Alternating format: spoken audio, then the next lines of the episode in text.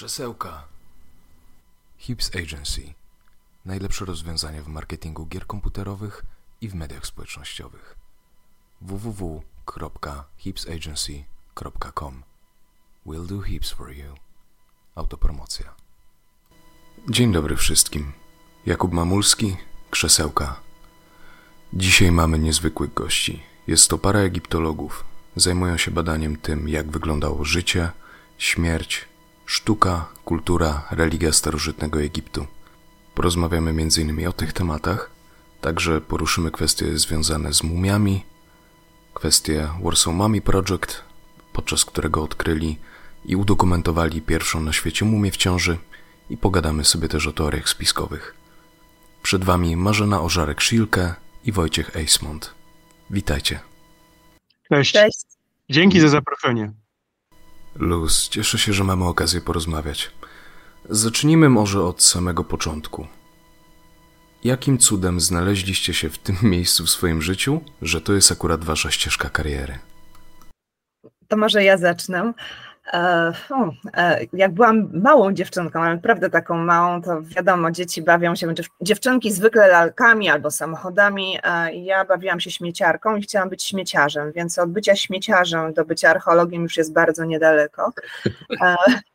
Oczywiście, oczywiście ta droga jednak, jednak jakaś musiała być i mniej więcej w wieku lat 11-12 e, stwierdziłam, że fantastyczny jest Egipt, że chciałabym wiedzieć e, wszystko o tym, jak powstały piramidy, e, w jaki sposób e, kiedyś żyli ludzie. I zaczęłam czytać takie popularno-naukowe książeczki o Egipcie, i gdzieś tam zaczęła się rozpalać we mnie wyobraźnia, że chciałabym być archeologiem takim jak Indiana Jones. E, Miałam też okazję poznać na takich kuratorskich oprowadzaniach w Muzeum Narodowym w Warszawie panią profesor Jadwigę Lipińską, e, która jak spotkała taką no, dziewczynkę, podlotka zainteresowanego Egiptem, to poświęciła mi dosyć długo czasu, bo ponad godzinę chodziła ze mną samą praktycznie po galerii e, i rozmawiała ze mną właśnie o Egipcie. Ja zadawałam mnóstwo, mnóstwo pytań. Na nie wszystkie, nie, na nie wszystkie e, pani profesor udzieliła mi odpowiedzi. Mówiła mi, że jeszcze jest dużo rzeczy do odkrycia, że tego nie wiadomo, że tutaj są różne teorie e, i że w nauce tak jest, że nie zawsze te teorie no, mają jakieś odpowiedzi, tak, że nie zawsze znajdujemy, ale trzeba ich szukać.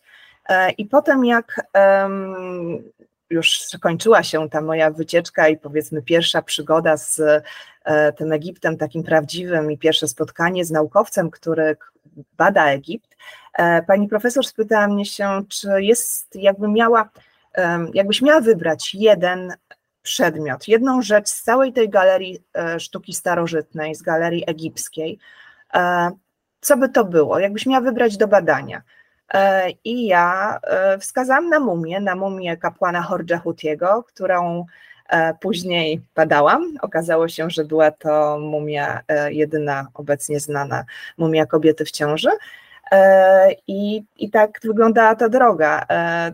Od praktycznie dziecka chciałam być archeologiem Egiptu. Zdałam na archeologię na studia dzienne i ta przygoda się zaczęła.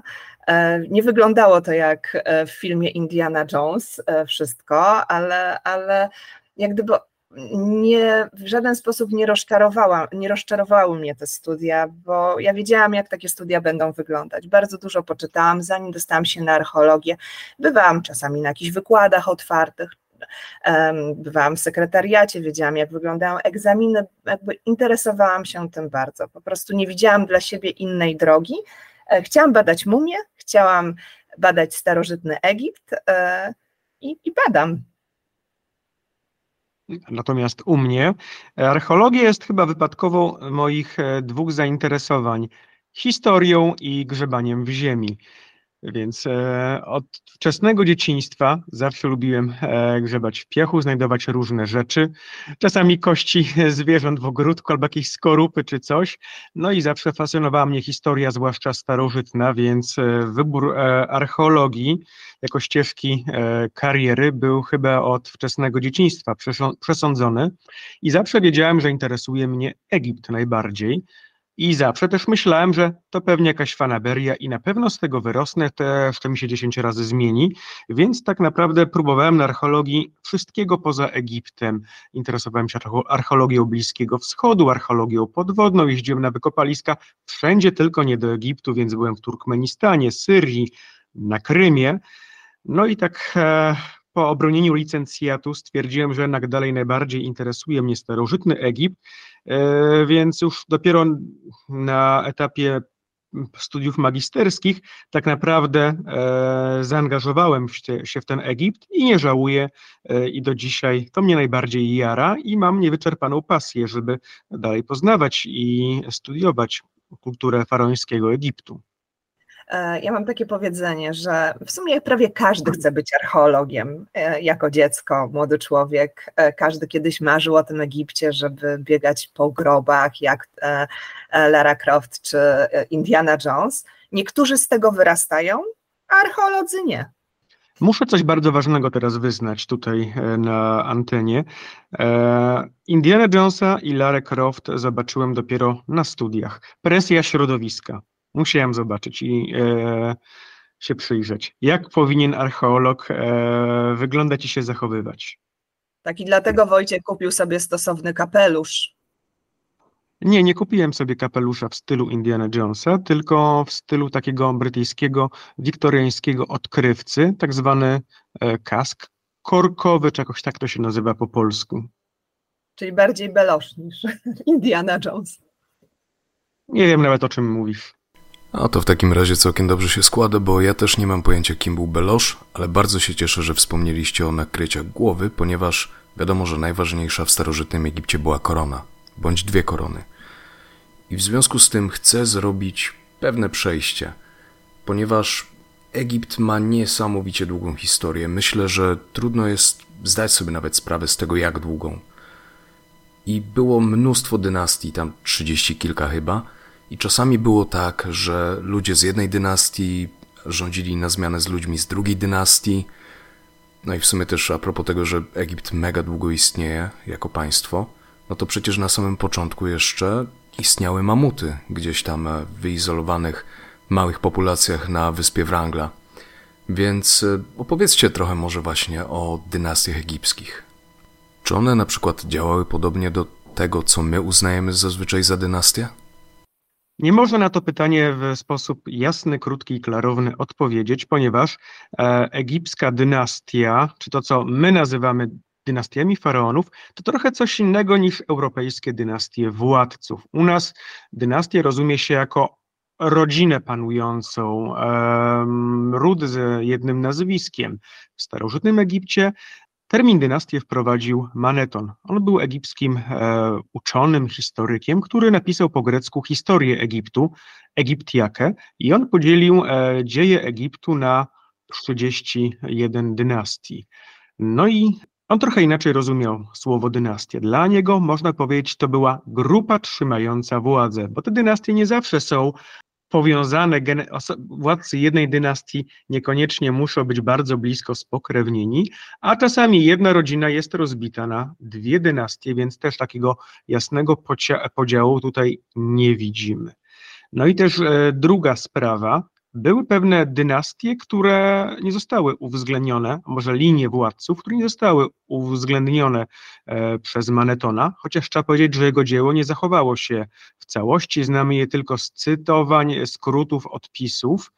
No i też e, od kiedy zaczynamy liczyć dynastie? E, zwykło się liczyć dynastię od panowania Narmera, pierwszego władcy pierwszej dynastii, zwanego też Menesem ale ostatnio archeolodzy przesuwają trochę e, to datowanie. Niektórzy liczą jako pierwszego władcę Acha, a na przykład są jeszcze tak zwane dynastie zero albo dynastia 00, czyli tak zwany okres protodynastyczny i predynastyczny, kiedy te dynastie dopiero zaczynają nam się e, jakoś tam pojawiać, jakieś linie władców, ale bardzo często nie znamy ich imion. Czy jest to klarowne? Trochę trudno powiedzieć, bo całe um, zagadnienie wydaje się być bardzo chaotyczne, ale myślę, że chyba trudno jest to ubrać w bardziej klarowne słowa. To, co my nazywamy no, to co historia Egiptu, jaką znamy, dynastię władców, to też jest wynik pewnej polityki ideologicznej, pewnej propagandy starożytnych Egipcjan, bo oni niektórych władców e, skazywali na zapomnienie, na przykład Echnatona i Tutenchamona starali się wymazać e, z kart historii i też pewnie pewne linie władców były wymazywane e, z dziejów. Chyba tak z dwie dekady temu w Abydos przy okazji wykopali koło grobowca Sezostrisa III odkryto groby wcześniej nieznanej linii władców, która panowała z Abydos. Nie wiemy dokładnie, jaki był obszar ich władzy, a jeszcze warto zaznaczyć, że Egipt miał tak zwane okresy przejściowe, kiedy była kiedy było więcej niż, był więcej niż jeden ośrodek panujący w kraju, aby roszczący sobie prawo do władzy i e, nie do końca wiemy, ilu było tych władców e, w niektórych okresach i ile było tych dynastii. Na przykład jest dynastia, są dynastie dziewiąta i dziesiąta, i podejrzewa się, że to była tak naprawdę jedna dynastia, ale w wyniku błędu, być może Manetona, została sztucznie podzielona na dwie e, grupy władców. Były też takie okresy w dziejach Egiptu, na przykład okres późny albo trzeci przejściowy, kiedy było kilka dynastii panujących dokładnie w tym samym czasie i one Niektóre z nich e, były w sojuszu, a inne były e, wrogo do siebie nastawione. I to wszystko, Jasne. co chyba można powiedzieć o dynastiach tak ogólnie. Okej, okay, czyli dużo polityki, dużo wpływów, dużo walczenia między sobą, jeśli na przykład chodzi właśnie o starsze dzieje Egiptu. Kto dla nich na arenie międzynarodowej był ziomeczkiem, kto był wrogiem, jak ta kwestia mniej więcej wyglądała? Był taki jeden e, zawsze ziomal Egiptu, Byblos, to było miasto portowe. Egipcjanie jakoś nie brylowali jako żeglarze i e, ich handel był w dużej mierze, handel morski był w dużej mierze obsługiwany właśnie przez port w Byblos i wiemy, że faraonowie byli w dobrych kontaktach z władcami w Byblos. E, w Byblos odkryto wiele rzeźb i innych zabytków egipskich. Miejscowi władcy tego miasta trochę się no, pozowali na takich mm, faraonów pomniejszych, a w źródłach egipskich Byblos jest często wzmiankowane i mm, często drewno było sprowadzane, drewno do budowy na przykład e, barek z Byblos. E, Byblos generalnie obsługiwało handel egipski na Morzu Śródziemnym. To był taki największy e, sojusznik Egiptu. Dalej byli Grecy. A dlaczego Grecy? Bo mieli wspólnego, Egipcjanie i Grecy mieli wspólnego wroga, e, czyli Imperium Perskie. Natomiast jeżeli chodzi o wrogów Egiptu, to generalnie sąsiedzi, wszyscy sąsiedzi byli wrogami. Często jak są przedstawienia faraonów w formie rzeźb, faraon e, swoje nogi trzyma na łukach trzy łuki spięte razem to, i to powtórzone trzy razy. To jest tak zwane dziewięć łuków. Faraon symbolicznie e, depcze te łuki, a one reprezentowały trzech wrogów Egiptu, trzy e, nacje sąsiadujące. Od południa byli to Nubijczycy, którzy już no, na wczesnym etapie historii Egiptu zostali spacyfikowani. Egipt często tam organizował wyprawy wojskowe, przywożono do Egiptu nubijskich jeńców, bydło i różne inne dobra. Na zachodzie byli Libijczycy, którzy trochę później pojawili nam się w źródłach egipskich i też trochę później zostali spacyfikowani. Natomiast na wschodzie e, były ludy blisko wschodnie. Różne były to ludy. E, mieszkańcy Syro-Palestyny, e, Huryci, Chetyci, z którymi Egipcjanie toczyli walki o hegemonię na terenie Syro-Palestyny. Mhm. Oczywiście nie zawsze tak. było tak, że były to zawsze wrogie ludy. Na przykład um, Egiptem panował, nad Egiptem panowali czasami obcokrajowcy, faraonowie wywodzący się właśnie z południa, albo z Libii, albo z Bliskiego Wschodu. Nie zawsze byli ci z Bliskiego Wschodu uznawani przez Egipcjan jako prawowici władcy, ale na przykład władcy e, z południa e, całkiem dobrze sobie radzili e, w egipskiej rzeczywistości. Okej. Okay. Um, jeśli chodzi właśnie o tych wszystkich władców, stawiam, że lekko było ich ponad stu. Kto był wyróżniającymi się postaciami? kto na przykład był najlepszy i dlaczego był to Ramzes II, i kto na przykład był najbardziej zwariowany, jeśli nie założymy już na samym wstępie, że jest to Echnaton. Więc e, kim są właśnie takie najbardziej wyróżniające się postaci z tego, z tego całego poczetu? Jeżeli chodzi o najbardziej szalonego, e, to ja bym się zastanawiała, czy, czy Echnaton, czyli faraon XVIII e, dynastii, syn Amenhotepa III, e, który zrobił małą rewolucję, wprowadził na chwilę do Egiptu religię monoteistyczną, gdzie głównym Bogiem jedynym była tarcza słoneczna Aton, ale tutaj no, też no. jest bardzo tak. Marzeno, Marzeno, pozwolę sobie wejść w słowo. Według e, bardziej aktualnych badań nie jest to monoteizm, raczej henoteizm, czyli forma pośrednia między monoteizmem, czyli między politeizmem a monoteizmem, bo Echnaton wcale nie wykluczał istnienia innych bogów, co, e, na przykład poza Egiptu. Co więcej, w samym Egipcie nie wszystkie przedstawienia bogów były niszczone, bo na przykład bóstwa solarne, ich przedstawienia były zachowywane, na przykład Hathor, która była związana ze Słońcem, więc też to nie jest do końca tak, że on był e, monoteistą. Okej, okay, więc czy chodzi mniej więcej o to, że on tak jakby uznawał istnienie innych bogów, ale temu jednemu konkretnemu dawał jakiś prymat, czy coś w tym stylu? Tak, tak on, on go wyniósł na szczyty. On go wyniósł na szczyty, to było pewne następstwo różnych sytuacji, które się działy tuż przed Echnatonem. Natomiast e, są teorie, które mówią, że sam Aton to może był po prostu ojciec e, Amenhotepa IV, czyli Echnatona. Amenhotep III, e, który był bardzo silnym, bardzo niezwykłym władcą, między innymi zasłynął z tego, że wybudował ogromne jezioro w Tebach, nad tym jeziorem pałace i to wszystko, całe to założenie było po zachodniej stronie Nilu, czyli tej stronie Nilu należącej do zmarłych, bardziej do bogów niż do żywych, e, bo do tego czasu większość pałaców, e, pałaców takich doczesnych e, życia egipskiego toczyło się na wschodniej stronie Nilu.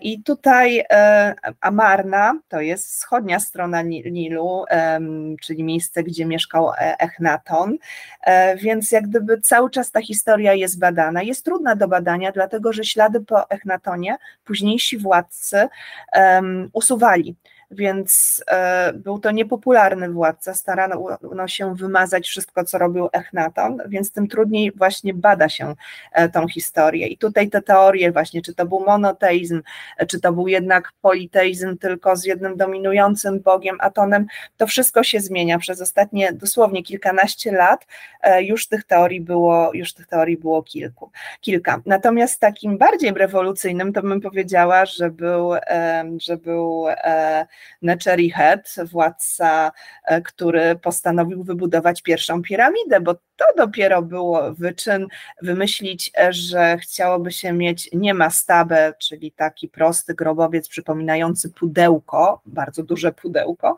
tylko coś, co jest e, jednym pudełkiem ustawionym na, na drugie. To była dosyć duża rewolucja, bo dzięki takiemu szalonemu pomysłowi mamy całą nekropolę memficką i mnóstwo ludzi z całego świata może teraz jeździć i oglądać piramidy. Czyli wychodzi na to, że jego własna kreatywność pozwoliła mu grać w Minecrafta w prawdziwym świecie. Dokładnie. Dokładnie.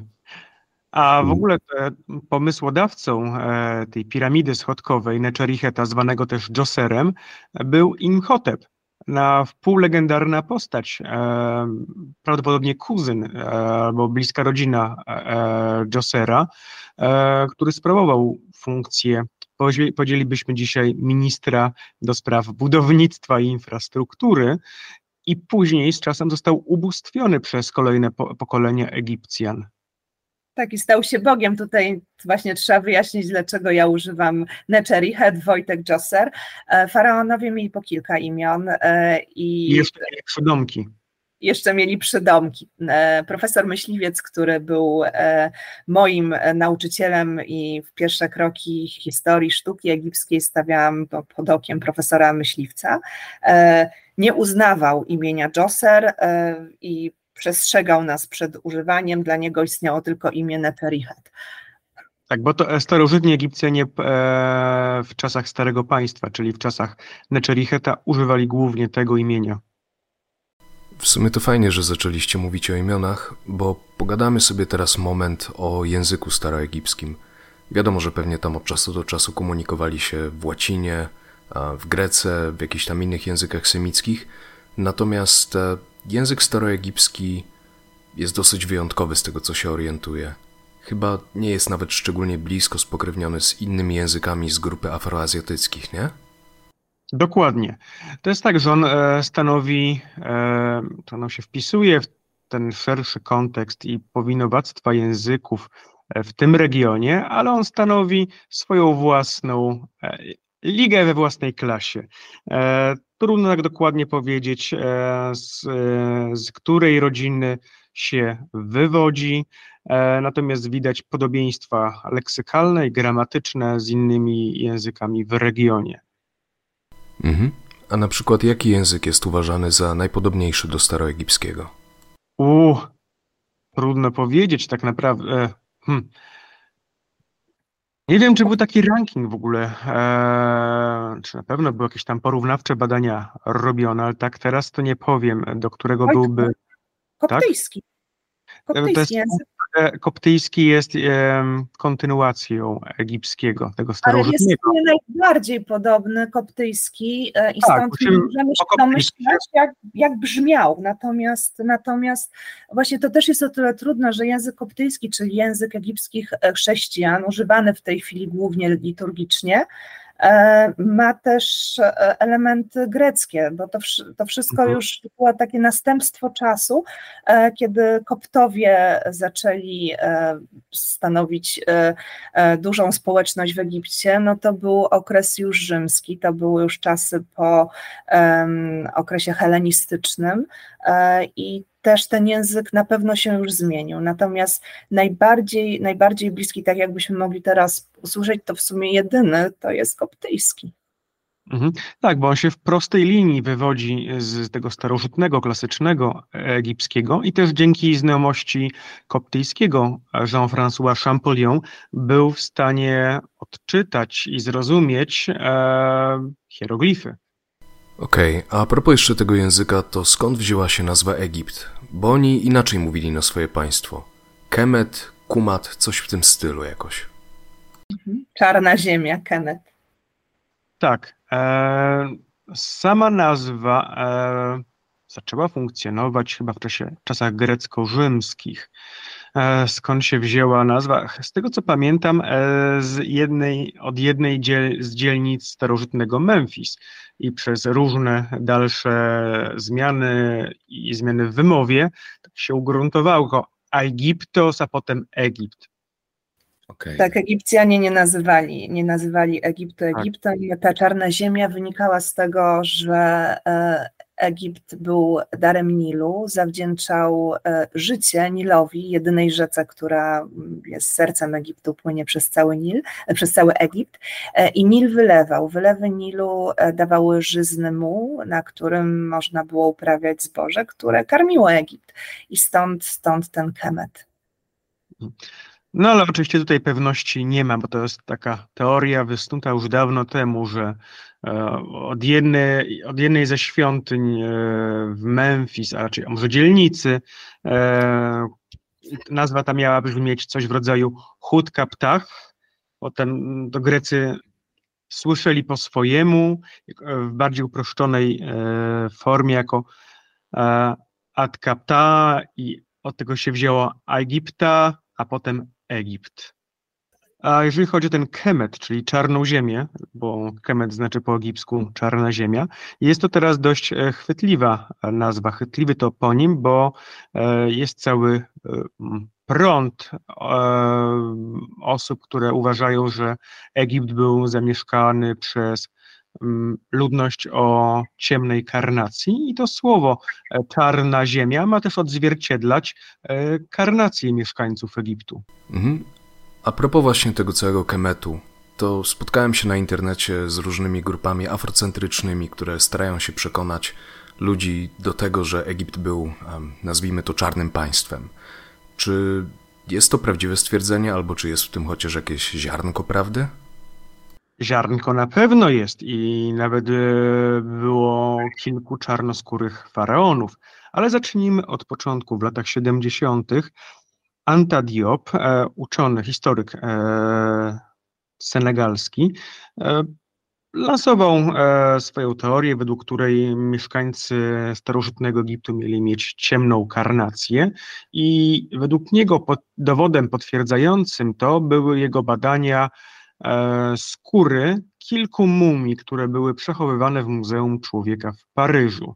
Niestety w swojej publikacji nie napisał, które to mumie, jak dokładnie badania wyglądały, e, więc trudno to, i to zweryfikować, ale trafiło to na podatny grunt, e, zwłaszcza w czasach, kiedy kończył się okres kolonialny w Afryce i miejscowa ludność szukała swojej tożsamości i no, czegoś, z czego mieszkańcy Afryki mogliby być dumni.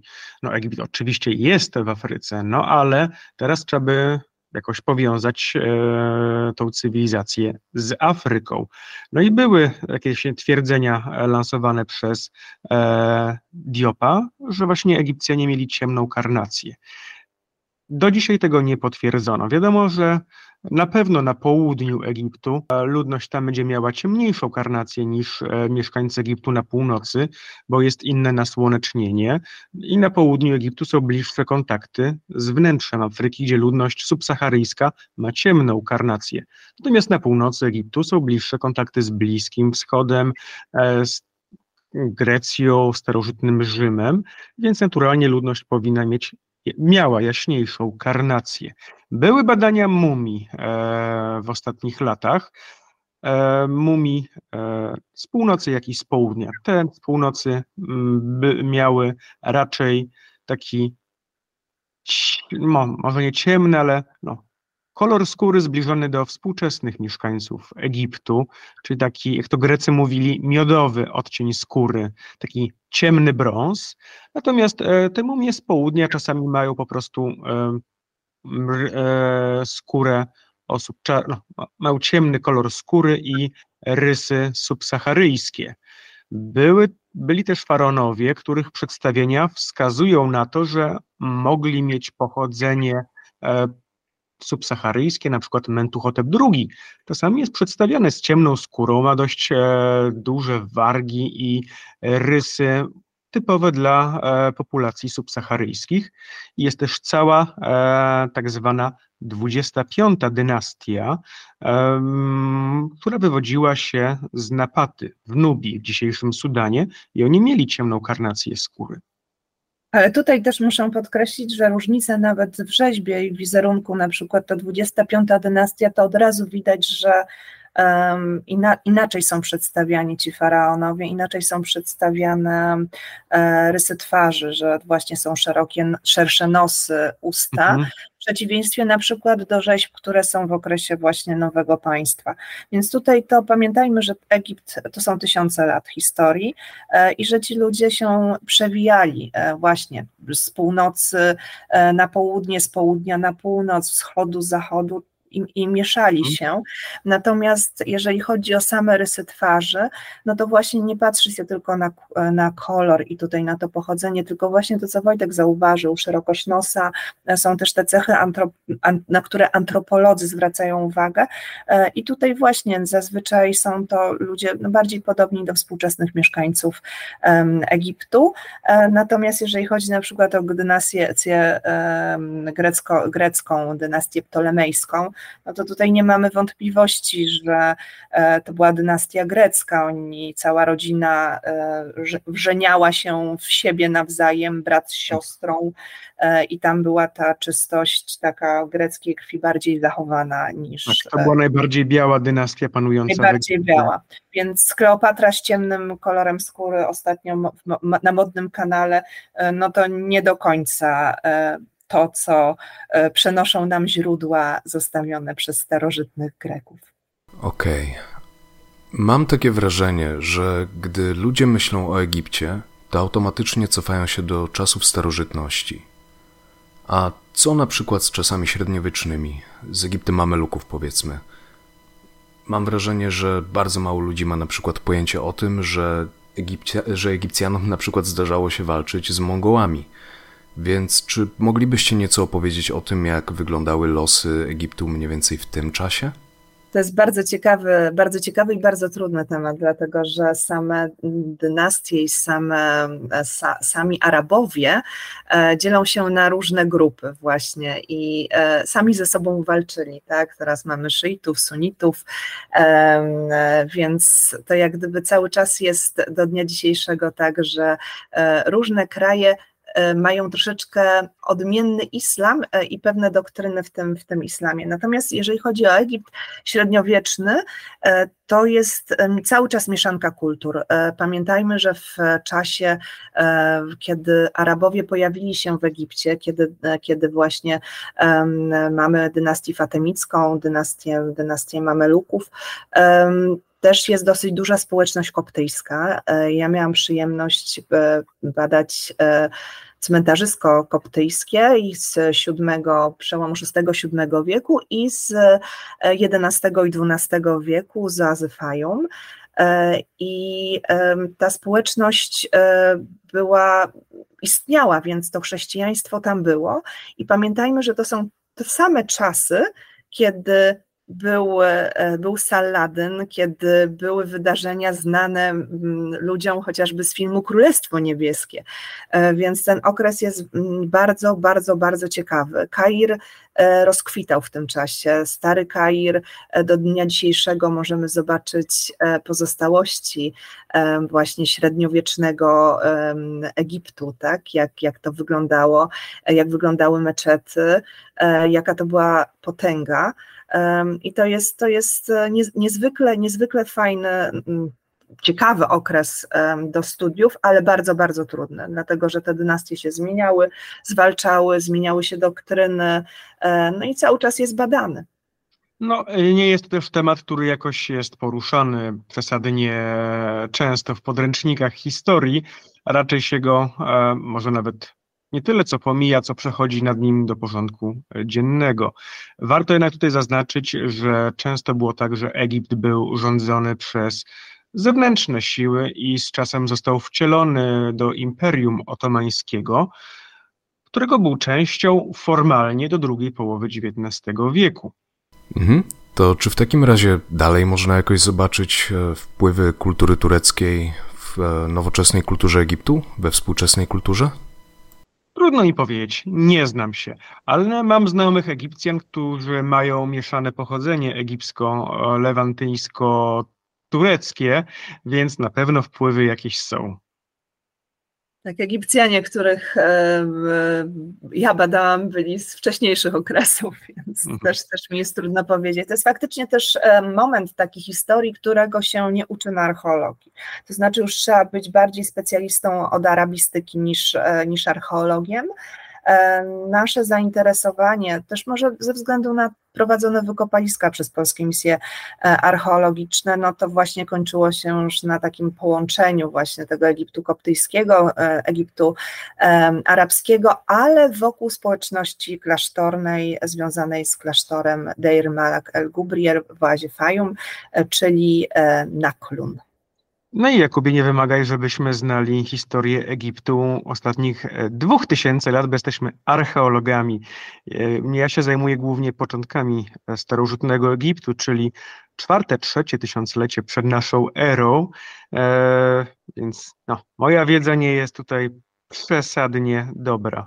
No ja się, ja wgryzałam się właśnie w ten okres XI-XII wieku e, i e, tam były takie okresy na przykład głodu e, odnotowane, ale też jest o tyle trudne badanie tej historii, że w momencie, kiedy korzystamy ze źródeł koptyjskich, to one inaczej przedstawiają całą sytuację, jaka jest w tym czasie w Egipcie, niż źródła arabskie. I tutaj czasami są takie rozbieżności e, typu opisy jakichś męczeńskich śmierci chrześcijan, e, troszeczkę powiedzmy podkolorowana historia, czego z drugiej strony nie ma. Potem dowiadujemy się, że e, władza generalnie pozwalała na istnienie powiedzmy klasztorów koptyjskich, tak, tej społeczności koptyjskiej i że tutaj nie, nie było jakichś większych, e, większych problemów, no to też tak naprawdę zależało od władcy, więc mówię, to jest dosyć trudny okres do badań, e, bo te źródła są czasami bardzo sprzeczne. I, i wielokrotnie e, spotykałam się z taką sytuacją, że czytałam o jakimś tam wydarzeniu e, historycznym się zastanawiałam, jak to musiało wyglądać naprawdę, bo na przykład na szkieletach e, nie miałam nic takiego, co by mogło potwierdzać jakieś e, gigantyczne rzezie chrześcijan. To jest chyba często powtarzający się wątek, że koptowie są prześladowani zawsze przez wszystkich i wszędzie. Tak, tutaj, tutaj spotkałam się bardziej z taką też współczesną, e, współczesną mitologizacją powiedzmy tamtych czasów, e, ze względu na to, że kiedy kopaliśmy e, cmentarzysko w Naklun, zdarzały się pochówki ze związanymi rękami i nogami, tak delikatnie taśmą, taką bardzo kolorową, i mnisi koptyjscy żyjący w tym klasztorze do dziś, ponieważ klasztor funkcjonuje nieprzerwanie do dnia dzisiejszego, patrzyli się na tych naszych zmarłych jako na osoby święte. Mówi, że to są święci męczennicy. My wiemy, że to był po prostu rodzaj, tak, taki element zwyczaju pogrzebowym, ze względu na to, że um, osoby, jak się kładzie zmarłe na marach, no to delikatnie mówiąc, opadają im ręce y, i ciężko się je przenosi. Dobrze jest tak delikatnie te ręce złożyć e, na łonie i delikatnie obwiązać taśmą, i łatwiej się potem zawija taką osobę w całun, niż. Powiedzmy bez takich rąk e, delikatnie spętanych, więc to nie było pętanie, żeby komuś zrobić krzywdę, ponieważ na szkielecie nie było żadnych śladów jakiejkolwiek przemocy, tylko normalny zwyczaj pogrzebowy. Niemniej jednak doprowadziło to do tego, że w pewnym sezonie e, przyjechaliśmy i okazało się, że była kopana rura i w czasie kopania miejsca pod, i kładzenia rury wykopano kilka e, zmumifikowanych szczątków właśnie ludności koptyjskiej, która żyła kilkaset lat wcześniej e, i ci nieszczęśnicy trafili do kościoła e, w Naklun jako święci męczennicy. E, I do dziś można tam obejrzeć świętych męczenników, czyli po prostu szczątki dawnych mieszkańców oazy Fajum, które spoczywają w kościele w Naklund. No tutaj warto zaznaczyć też między innymi też z tego powodu, że ich ciała się dobrze zachowały, co często jest uznawane za interwencję boską. Od pewnego okresu. Tak. Nigdy nie sądziłem, że powiem to zdanie w życiu, ale cieszę się, że zaczęliście rozmawiać o zwłokach. Przejdźmy do, do kolejnej rzeczy. Jak zrobić mumię? No zależy jak być chciał. Może być na mokro, na sucho, na zimno. Można zamrozić. Mumia jest jak bigos. Praktycznie e, każdy ma własny przepis. Więc w takim razie zostańmy przy czymś klasycznym. Trochę czerwonego wina, trochę grzybków, ale zero śliwek. Jakie były najbardziej popularne metody na to, żeby zrobić z ciała mumię? E, tak, żeby zarysować e, pewną ważną rzecz. Nie było jednej metody i w zależności od regionu, pewnie też grupy społecznej, sposoby mumifikacji bardzo się różniły. I dlaczego, dalej nie wiemy, dlaczego Egipcjanie zaczęli mumifikować e, swoich zmarłych.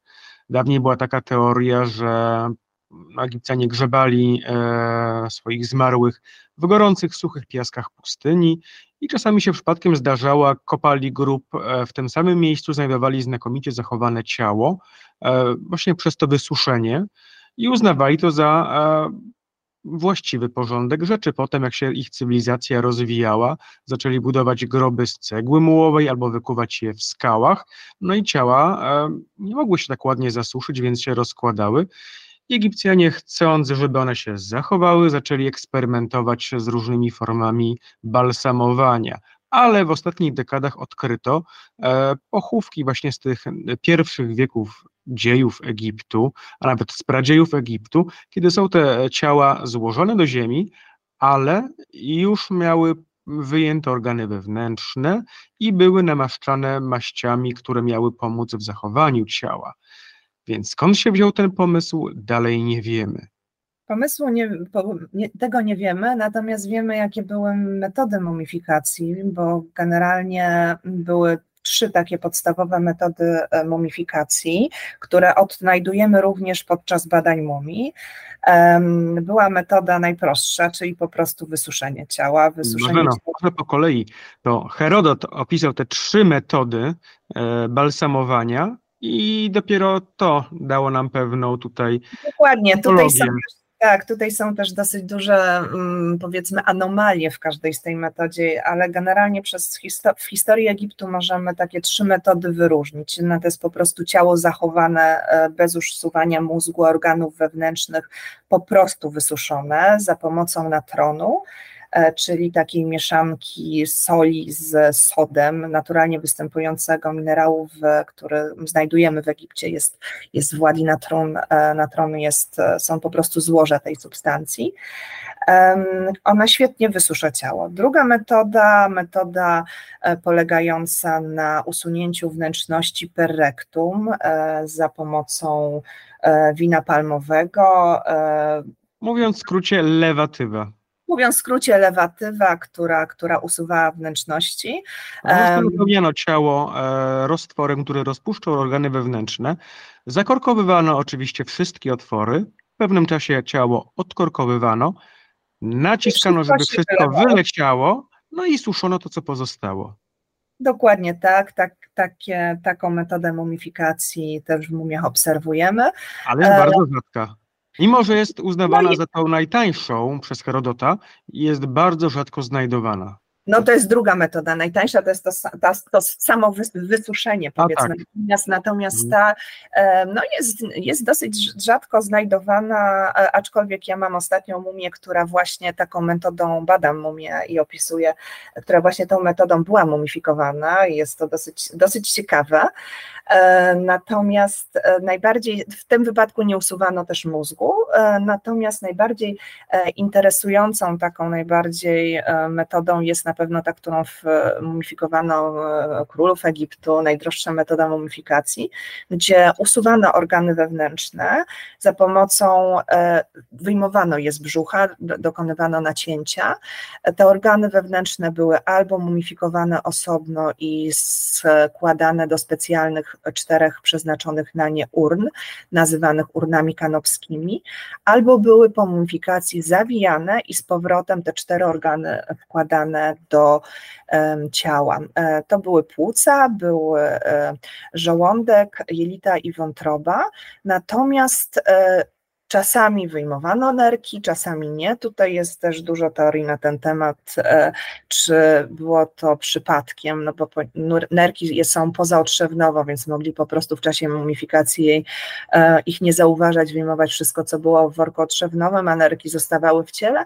Są też teorie, że nerki miały jakieś znaczenie magiczne. Czasami usuwano serce, czasami nie. Tutaj też jest e, bardzo, bardzo różnie.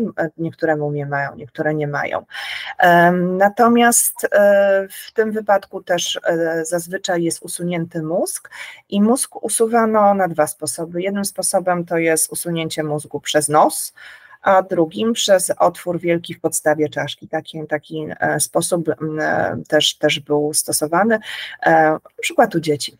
I później takie ciało też wysuszano, smarowano różnymi substancjami w zależności od okresu, miejsca, te substancje miały różny skład, czasami były to substancje pochodzenia e, bitumicznego, bitumin e, z żywicami, czasami więcej żywicy, e, różnego rodzaju zioła, kwiatki układano na mumii, więc to bardzo, bardzo się zmieniało i samo badanie tych substancji mumifikacyjnych jest dosyć ciekawe.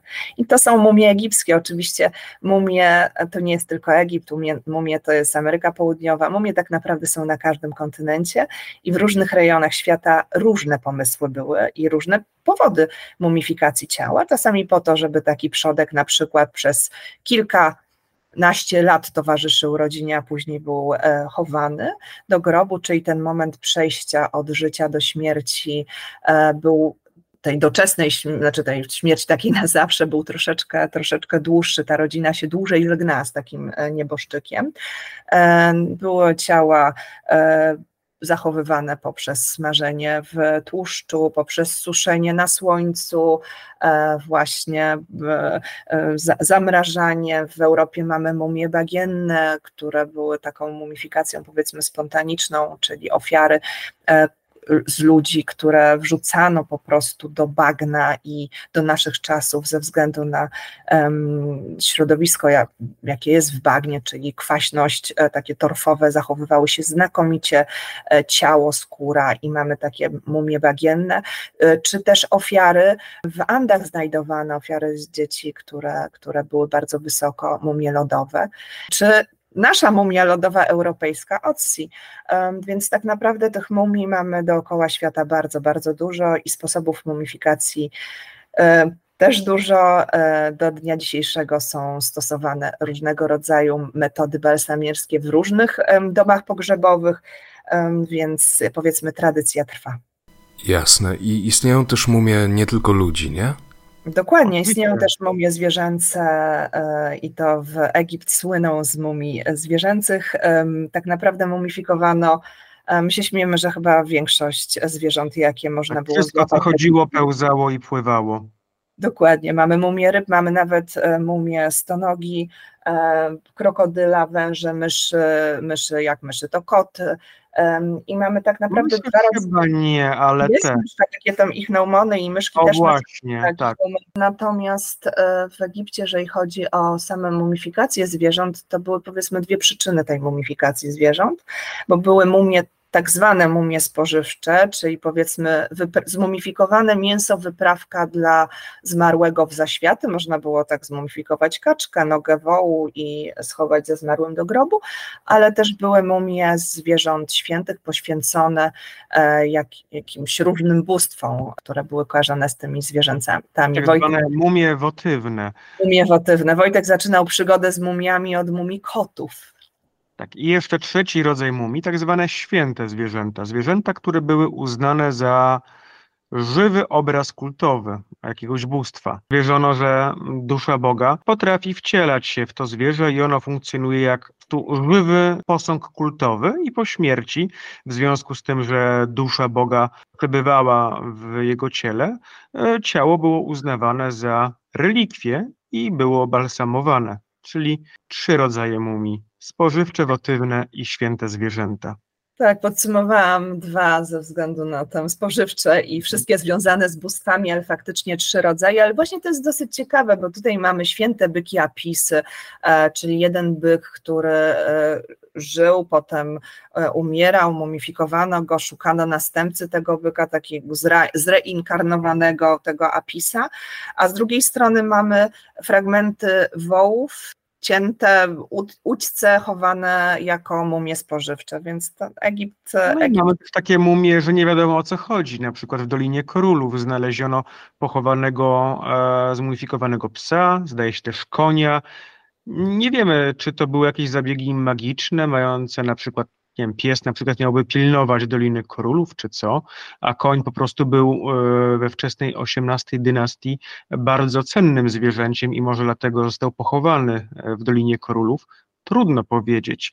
No a z drugiej strony u Tutenchamona po prostu mamy cały zestaw, tak zwany, no można powiedzieć, dietę pudełkową. Kilkadziesiąt pudełek w kształcie e, pieczonych kaczek, żeberek i tak dalej, gdzie w środku były ładnie zabandażowane, zmumifikowane, pieczyste. Myślę, że to byłoby super, gdybyśmy wzięli właśnie te stare tradycje związane z mumifikacją i na przykład jak są zawody wędkarskie, to człowiek, który złowi największego karpia, że może sobie zrobić z niego mumię. To byłoby piękne, absolutnie sztos. No to się w sumie robi, bo to, się, to są właśnie trofea, które się wiesza na ścianach. Są to po prostu, może nie całe, ale fragmenty zwierząt po prostu odpowiednio zachowane. W sumie prawda. Nigdy jakoś nie pomyślałem o tym, że zwierzę poddane taksydermii tak naprawdę jest w pewnym sensie mumią. Tak, ja się kiedyś w zastanawiałem, miałem taką e, rozkminkę. Czy sardynki w puszce to są po prostu mumie w metalowym sarkofagu? Bo teoretycznie są za, ich ciała zachowane, więc są zabalsamowane w odpowiednim pojemniku również, jak no, mumia. Śledź, śledź solony jakby dłużej poleżał, to... Mhm. No dokładnie, ale tutaj fa faktycznie no, generalnie zachowanie ciała i sposoby, które ludzie w, dookoła świata wymyślali na zachowanie tego ciała, były testowane powiedzmy najpierw na tych spożywczych um, rzeczach, bo wiemy, że solenie ryby tą rybę utrwala, w związku z czym e, natron i solenie ciała utrwala ciało, smażenie też, czy, czy gotowanie, więc można było na przykład w ten sposób robić małe, e, zmniejszane główki wrogów, e, gotując odpowiednio i podgrzewając skórę z piaskiem ściągniętą z głowy. Mhm. A propos tej właśnie kwestii spożywczej, to dlaczego ludzie w pewnym momencie zaczęli jeść mumie? To się wzięło od pewnego błędu w tłumaczeniu. Był taki e, arabski medyk, Abdel Latif, wielki autorytet, który napisał traktat medyczny, w którym e, bardzo zachwalał E, substancji o nazwie mumija. Mumija miała być jakimś rodzajem nalotu albo kryształu, który można znaleźć na ścianach jaskiń w Persji. Prawdopodobnie chodziło mu o jakiś tam rodzaj bitumu, który można znaleźć e, właśnie w w górskich jaskiniach. I w ogóle bitumin był używany w medycynie takiej ludowej, tradycyjnej Bliskiego Wschodu i ponoć faktycznie ma jakieś tam właściwości medyczne, zwłaszcza jeżeli chodzi o wspomaganie gojenia się ran. No i Abdel Latif napisał, że no jeżeli nie można by zdobyć e, tego mumija, tej substancji, to bardzo podobna substancja była używana przez starożytnych Egipcjan do balsamowania zwłok ich zmarłych. No i potem e, inni medycy dopowiadali sobie, że ewentualnie z braku laku można użyć tej substancji z mumii. A potem to było jeszcze bardziej przeinaczane i naciągane i zaczęto mówić, że w sumie to można tą używać substancję z mumii, bo jest na tyle dobra jak sama mumija, a potem zaczęto nazywać słowem mumija zabalsamowane egipskie zwłoki i zaczęto je proszkować i używać jako tego lekarstwa. W międzyczasie na terenie Bliskiego Wschodu pojawili się krzyżowcy, którzy no, porównaniu z medycyną europejskiego średniowiecza, medycyna arabska średniowiecza była bardzo zaawansowana. No i medycy, którzy podróżowali między światem łacińskim a arabskim, bardzo zachwalali tą, tą substancję mumija i ona zaczęła się robić bardzo popularna w Europie, bo to takie egzotyczne panaceum, które leczyło ból głowy, rany zewnętrzne, a nawet problemy, problemy z erekcją. Chyba nie było choroby, której by nie leczyła sproszkowana mumia. Problem był w tym, że e, chyba Egipcjanie nie do końca wiedzieli, o co chodzi Europejczykom e, z tymi mumiami. I tak nadworny medyk e, króla Nawarry i potem Francji, Henryka IV, został wysłany przez tego króla do Egiptu, żeby ten mu sprowadził najwyższej klasy autentyczną mumię w celach medycznych. Dlaczego?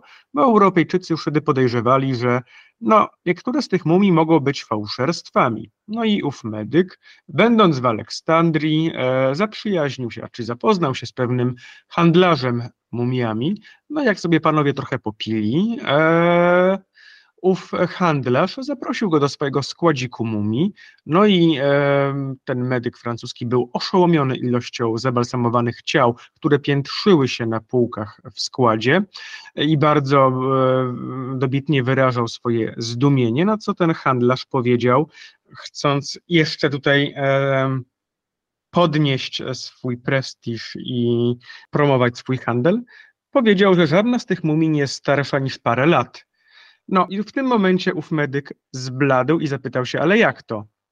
No tak to. Zbierał ów e, handlarz ciała ludzi, po które nikt się nie zgłaszał, ofiary egzekucji, osoby, które zmarły e, na różne choroby, zasypywał na pustyni piaskiem, wysuszał, potem ciała wyjmował, obsmarowywał smołą, bituminem, bandażował i w ten sposób sprzedawał dalej e, do Europy. Nie wiedział o co chodzi Europejczykom e, z tym całym szaleństwem kupowania ciał zabalsamowanych, no ale skoro się sprzedają, no to wysyłał do Europy.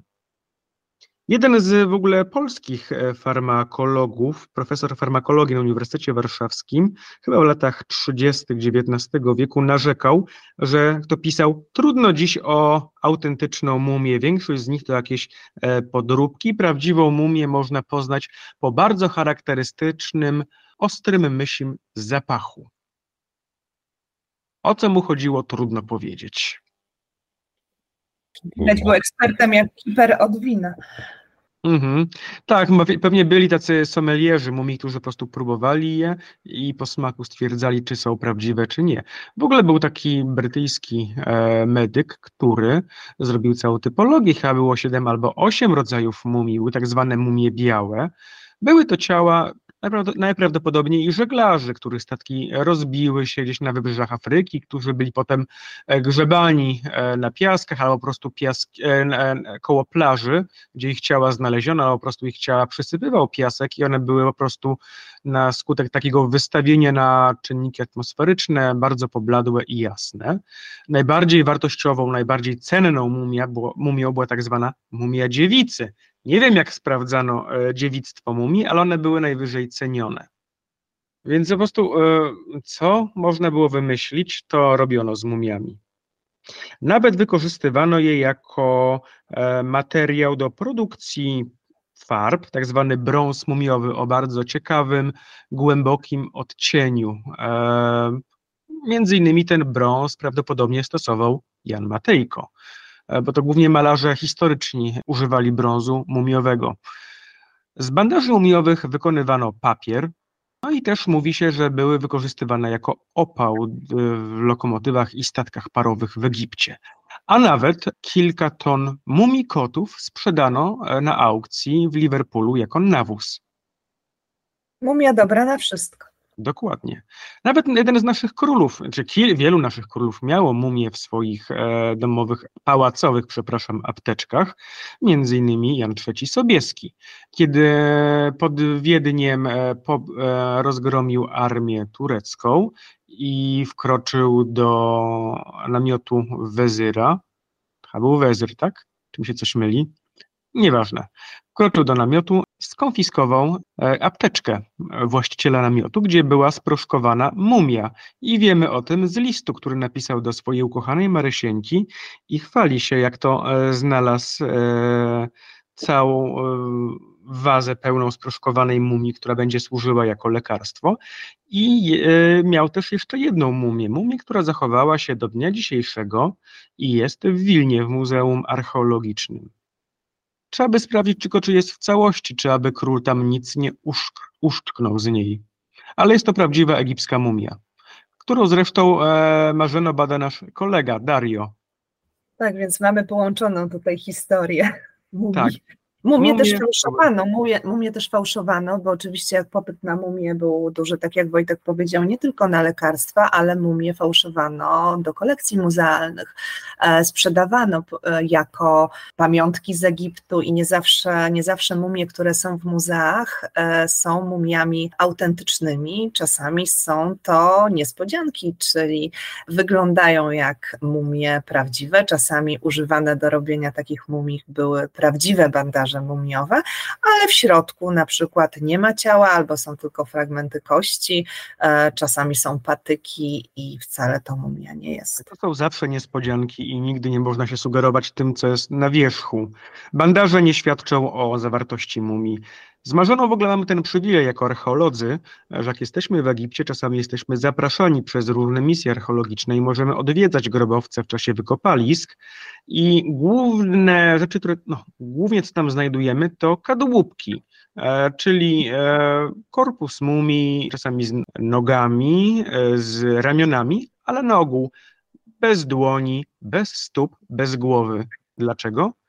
Bo często turyści w XIX i na początku XX wieku jako pamiątki z Egiptu przywozili sobie kawałki mumii. A o wiele łatwiej było przywieźć samą głowę, stopę czy dłoń niż całą mumię. I my takich kawałków mumii e, w naszych kolekcjach muzealnych w Polsce mamy całkiem dużo. I są, tak. E, nawet e, śmieliśmy się kiedyś, że chcemy zrobić taki, taką akcję w Polsce, znajdź mumię w szafie, bo podejrzewamy, że spo, sporo e, osób w Polsce jeszcze jakieś pamiątki po babciach, dziadkach gdzieś tam trzyma i może ktoś jakąś mumię w szafie ma. Jeszcze w latach dwudziestych, a może nawet trzydziestych, mumie e, można było z XX wieku.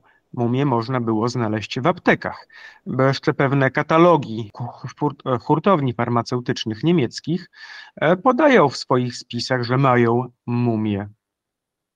Mhm. A propos tej jednej konkretnej mumii, która prawdopodobnie stanowi jedno z Waszych największych osiągnięć. Czy możecie opowiedzieć, w jaki sposób udało się ją znaleźć i co tam dokładnie znaleźliście? Oczywiście mam tutaj na myśli Mumie w ciąży, Warsaw Mummy Project. Może jak się zaczął, jak się zaczął cały Warsaw Mummy Project? Czy... Tak, tak, tak. E, mój kolega Łukasz Przewłocki e, pisał pracę licencjacką na temat mumii kotów u dr e, Moniki Dolińskiej, która była też kustoszem kolekcji egipskiej w Muzeum Narodowym w Warszawie. No i zasugerowała mu, że tę mumię można by prześwietlić, więc Łukasz, e, ponieważ byliśmy w tym w jednym kole naukowym starożytnego Egiptu, Kemet, i Łukasz potrzebował pieniędzy na badania, tam pomagałem mu z dostaniem tych pieniędzy z uniwersytetu. No i tak od słówka do słówka, krok po kroku, e, coraz bardziej się wkręcałem w ten projekt i zaprosił mnie i razem też opublikowaliśmy wyniki tych badań. No i w międzyczasie skontaktowałem się z Marzeną, ponieważ w jednej z mumii kota, w jednej z mumii kocich znaleźliśmy ludzki ząb, jak się okazało. I tej Marzena się przyjrzała temu zębowi i okazało się, że faktycznie jest ludzki i są na nim ślady balsamowania, więc musiał pochodzić z jakiejś innej mumii, tak? E, zaczęliśmy tak, tak. małymi kroczkami myśleć, że może by warto zbadać całą kolekcję, no bo skoro zrobiliśmy już koty, a Marzena się interesuje ludźmi i mumie ludzkie są dostępne, why not? I tak narodził się Warsaw Mummy Project. E, postanowiliśmy przebadać e, wszystkie mumie z kolekcji Muzeum Narodowego w Warszawie. Bardzo pomogła nam dziekan Wydziału Historycznego, która pomogła to zorganizować, ponieważ część mumii była z kolekcji właścicielami mumii jest, właścicielem mumii jest Uniwersytet e, Warszawski, właśnie mumii tajemniczej damy, znanej jako jedynej odkrytej dotychczas egipskiej mumii kobiety w ciąży i opublikowanej. Natomiast no, przedsięwzięcie było duże i też potrzebowaliśmy odpowiednich listów popierających, przede wszystkim potwierdzających nasze kompetencje, ponieważ no, nie, nie jest to tak, że zgłasza się ktokolwiek do muzeum i prosi, e, chcemy przebadać mumię. Tutaj wynikało to z naszych zainteresowań badawczych. Ja pisałam, o już w 2009 roku obroniłam pracę magisterską na temat współczesnych technik badania mumii, a pierwszą mumię w swoim życiu badałam i rozwinęłam w 2006 roku. Więc jak jak Warsaw Mummy Project ruszał w 2015 roku, no to to już było parę lat takiego naszego naukowego zainteresowania mumiami, Wojtka, Wojtka zwierząc, zwierzącymi, e, wielu wyjazdów do Egiptu. E, moje tutaj były zainteresowania mumiami, mumiami ludzkimi.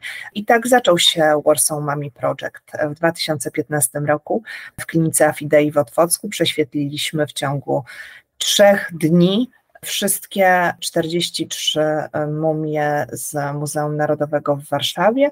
Tutaj były mumie zwierzęce, mumie ludzkie, ale nie tylko, bo były też takie przedmioty jak na przykład słoik, e, właśnie z fragmentami mumii, z proszkiem mumii, e, czy pudełka, w których zostały dosłownie fragmenty substancji balsamierskiej, fragmenty ciała, kości po mumii e, Amenhotepa, mumii, która była wiele lat wcześniej e, rozwinięta i w której, jak to sam mówi teraz profesor Niwiński, zostały przeprowadzone wykopaliska. Mumia była bardzo zniszczona, e, ale miała ogromną kolekcję ogromny depozyt amuletów, które teraz można oglądać w Muzeum Narodowym w Warszawie i te pudełka też prześwietliliśmy, czyli wszystko, wszystko co było z mumiami związane trafiło do tomografu komputerowego i zostały też wykonane zdjęcia rentgenowskie.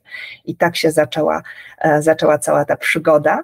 E, natomiast mumia tajemniczej damy jeden z ciekawszych eksponatów, aczkolwiek nie wiem, czy najciekawszy. To jest dopiero pierwsza opublikowana przez nas mumia, więc jeszcze tutaj, drodzy Państwo, poczekajcie chwilę na kolejne, na kolejne ciekawostki, które udało nam się w innych mumiach odnaleźć e, i inne ciekawe historie. E, niedługo zaczynamy publikować i niedługo będziemy mogli coś więcej powiedzieć na ten temat. E, jak jechała ta mumia tajemniczej damy, jak jechała do Otwocka, była znana jako mumia kapłana, starszego mężczyzny Jorge Hutiego. I dopiero po naszych badaniach okazało się, że nie dość, że nie jest to starszy kapłan, tylko młoda kobieta między 26 a 30 rokiem życia, która zmarła, e, a jeszcze kobieta, która zmarła prawdopodobnie będąc e, przy nadziei. Okej, okay. I czy udało wam się na przykład ustalić, na co ona umarła? Bo to nie jest raczej zbyt normalne, żeby ludzie umierali w takim młodym wieku. Tutaj jest to trudne pytanie, dlatego że po pierwsze, po pierwsze nasze badania wykazały, iż e, była w ciąży i zmarła w ciąży, więc sama ciąża w starożytności e, była dosyć dużym obciążeniem. Dużo kobiet w ciąży umierało. Przez, podejrzewamy też, że mogła mogła chorować na nowotwór, jednakże ślady, które mamy na kościach czaszki, nie są jednoznaczne. Mózg usuwany miała tajemnicza dama przez nos. Są bardzo duże mechaniczne zniszczenia tej czaszki e, i jest to obraz, który no, budzi nasze wątpliwości. Tak? Tutaj e, nie, nie możemy postawić diagnozy, że tak, miała chorobę nowotworową. Mieliśmy takie podejrzenia, jednak one na dzień dzisiejszy nie są potwierdzone. E, mogłyby je potwierdzić badania histopatologiczne. Myśmy pobrali próbki e, z obszarów, e, gdzie, gdzie podejrzewaliśmy, że uszkodzenia są wynikiem możliwej choroby i gdyby tam były widoczne komórki nowotworowe, no to wtedy byłaby diagnoza. W tej chwili, w tej chwili nie, nie mówimy, że tajemnicza dama e, zmarła na nowotwór. Cały czas to jest otwarte pytanie, cały czas mumię analizujemy, badamy, cały czas konsultujemy ją z różnymi specjalistami, prowadzimy dyskusje na temat tego przypadku, bo jest to niezwykle, niezwykle ciekawy, nie, niezwykle ciekawy przypadek, tak, niezwykle ciekawa osoba. Cały czas nie wiemy, kim była. E, nawet zagadką dla nas jest jeszcze, z jakiego okresu ta mumia pochodzi. E, na razie datujemy ją na okres e, ptolemejski, e, natomiast nie jest to do końca pewne, dlatego że w wypadku mumii egipskich te mumie też były przebandażowywane. To znaczy, czasami zdarzało się, że starsza mumia, która była uszkodzona i na przykład w takim okresie grecko-rzymskim znaleziona przypadkiem, mogła, mogło zostać zlecone ponowne zabandażowanie tej mumii po to, żeby ta osoba, tak wierzono, w zaświatach wspierała e, darczyńcę, który, który powiedzmy dokonał naprawy. Więc takie sytuacje znane są było opisywane, znane są mumie, które były naprawiane e, w różnym, e, w różnym okresie i tutaj badania, badania są dosyć, dosyć trudne. Wiemy, że sposób mumifikacji, jaka, jaki miała, jakiemu była poddana e, tajemnicza dama, był to sposób mumifikacji, który narodził się w czasach XXI-XXII dynastii i trwał tak naprawdę później, więc cały czas jest to wielka zagadka mnóstwo jest ciągle pytań, na które my szukamy odpowiedzi. Mhm.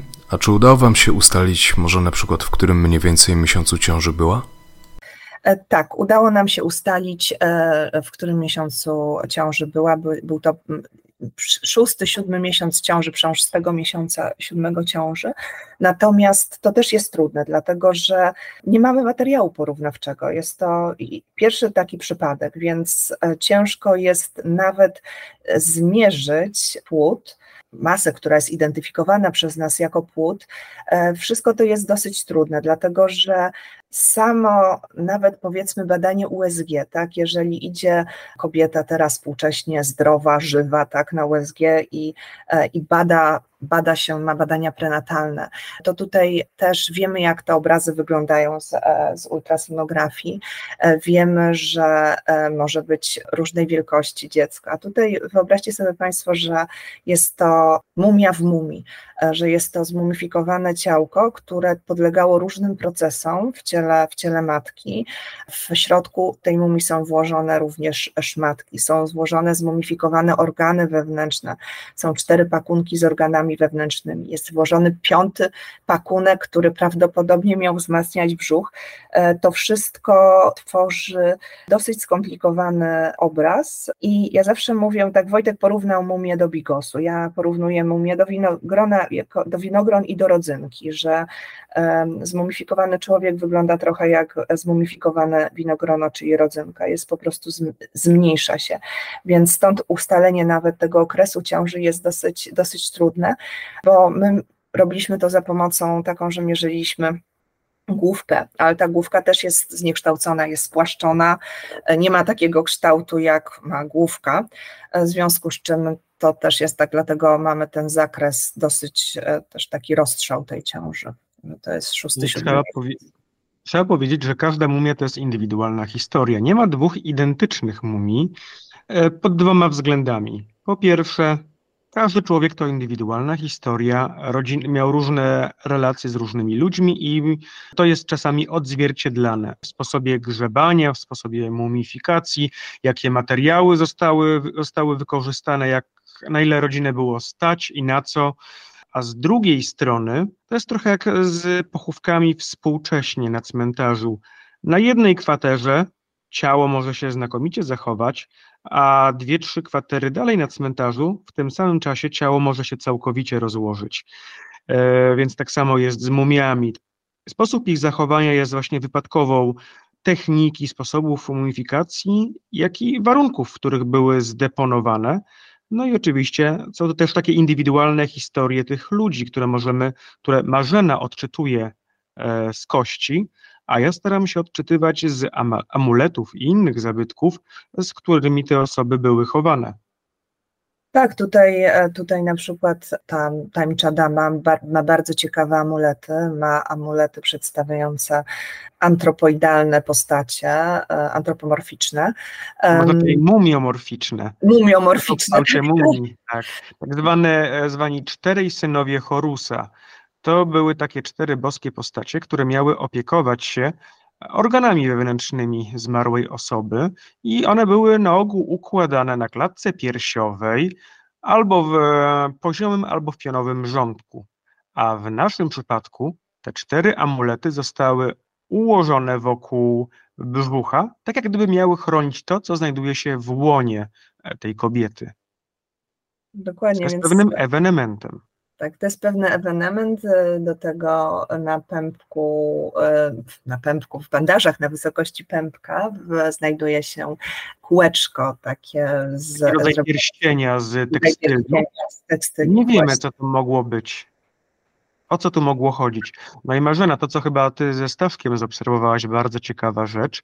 Oko udżat na, na czole. Na czole, tak, jest, jest amulet, e, który jest wykonany z materiału, e, którego gęstość radiologiczna jest bardzo zbliżona do substancji, którą pokrywano później tą mumię do, do jednej substancji, bo my już wiemy, że tam były przynajmniej dwa rodzaje tych substancji, ponieważ mają różną gęstość radiologiczną. I jest to amulet, amulet w kształcie okaudżat, który położony jest na czole. Amulet ten miał właściwości lecznicze, więc podejrzewamy, że tańcza dama mogła cierpieć na ból głowy, co byłoby w pewnym sensie potwierdzeniem możliwości wystąpienia u niej choroby nowotworowej. E, no ale to jest przesłanka archeologiczna. Tutaj z medycznego punktu widzenia, no, z, z, badań takich, które moglibyśmy e, przeprowadzić, no, nie możemy jeszcze tego potwierdzić, nie możemy też wykluczyć. To jest, to jest mumia. E, co roku są coraz to nowsze metody badań mumii, coraz to lepsze oprogramowanie. Może z czasem uda nam się jeszcze więcej coś o tajemniczej damie powiedzieć. No i amulety zawsze były chyba, no, nie ma dwóch mumii, które miałyby taki sam albo no, nie ma takich mumii, które miałyby taki sam zestaw amuletów i one chyba były dobierane każdorazowo, indywidualnie, w zależności od przyczyny zgonu, stanu zdrowia, oczywiście możliwości finansowych zmarłej osoby i jej rodziny.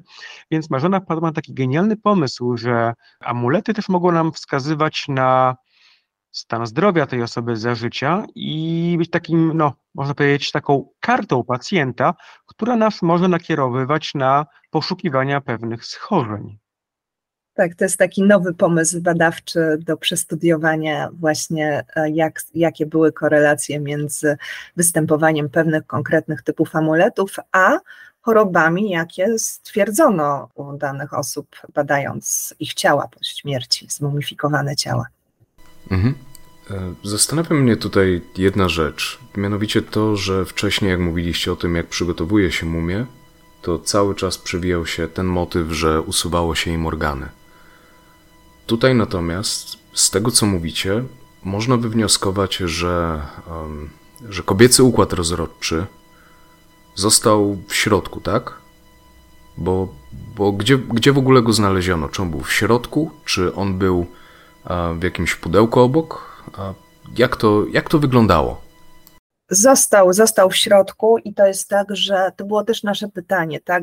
Przede wszystkim zastanawialiśmy się, uważnie przyglądając się skanom części, e, dolnej części brzucha, co tam jest, dlatego że obiekt, który nam się e, rysował, masa e, jednorodna, która nam się zbita, taka masa duża rysowała, była za duża. To znaczy my widzieliśmy cztery pakunki kanopskie plus piąty, który spoczywał poniżej tamtych i zastanawialiśmy się, co jest, co jest jeszcze niżej, dlatego że całość była zbyt duża, żeby zmieściła się przez nacięcie mumifikacyjne, więc zakładaliśmy, że musiało to coś być w mumii. I długo, długo gdzieś tam było to w naszej głowie, że trzeba się jeszcze przyjrzeć, no już pod koniec opisywania tak naprawdę mumii, bo się skupialiśmy na amuletach, pomiarach kości, takiej typowej analizie, bardzo dokładnie plasterek po plasterku, slajs po slajsie w różnych rzutach przyglądaliśmy się właśnie obiektowi, który znajduje się e, w brzuchu. No i doszliśmy do wniosku, że e, na obrazie mamy zarys płodu, skonsultowaliśmy nasze, nasze przypuszczenia z ginekolog-położnik, która potwierdziła, że tak według niej to też może być płód. Potem szukaliśmy przez bardzo długo, bo badania samej, samej mumii przed publikacją tego konkretnego przypadku i naszej interpretacji płodu trwały dwa lata, więc całkiem długo szukaliśmy analogicznych e, przykładów i zastanawialiśmy się, co mogło zajść, dlaczego właśnie e, nie wyjęto macicy, dlaczego nie zmumifikowano osobno.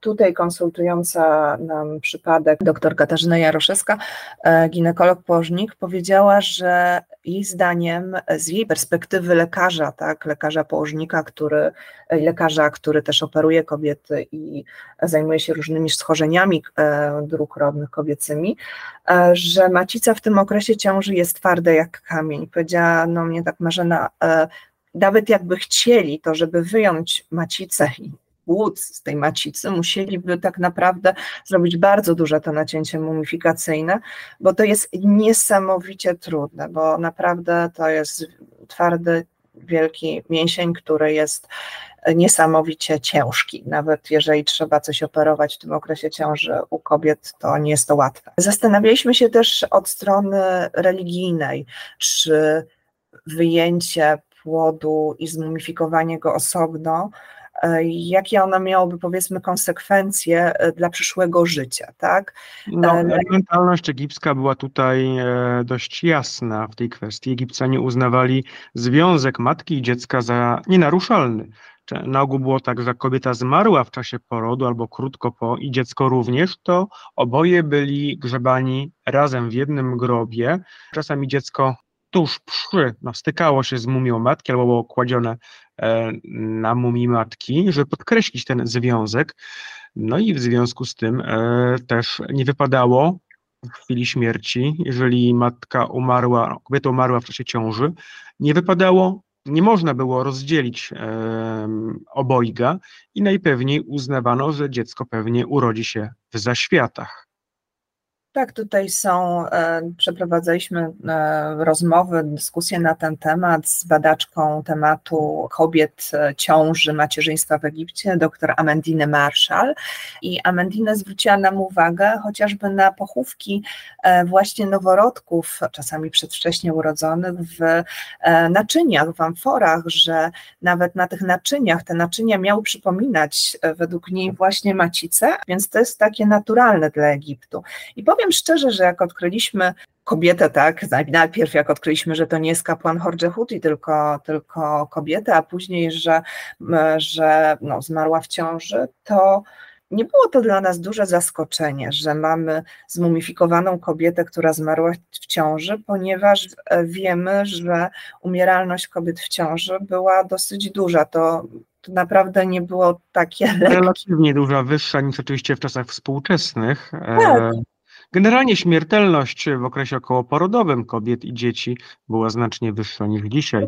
Generalnie w czasach preindustrialnych dwie trzecie dzieci umierało do mniej więcej chyba trzeciego roku życia. Dokładnie nie było, nie było takich leków, jakie mamy, nie było antybiotyków, nie było całego, ca, całej e, opieki prenatalnej nad e, matkami, taka, takiej jak jest teraz.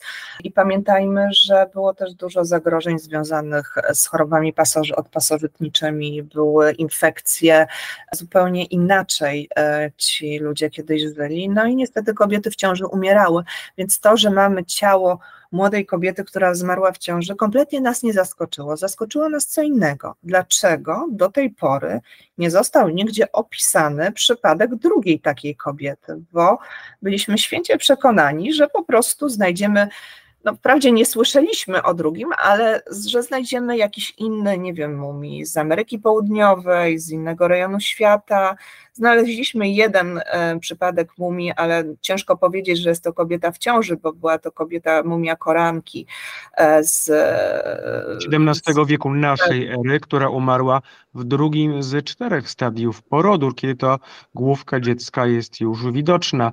Mówi się, że nie można być w ciąży i nie być w ciąży, a tutaj jest ten właśnie przypadek, że to nadal jest w ciąży, czy dziecko już jest częściowo urodzone, czy jak to? Niemniej. Tak, o, właśnie, moment przejściowy.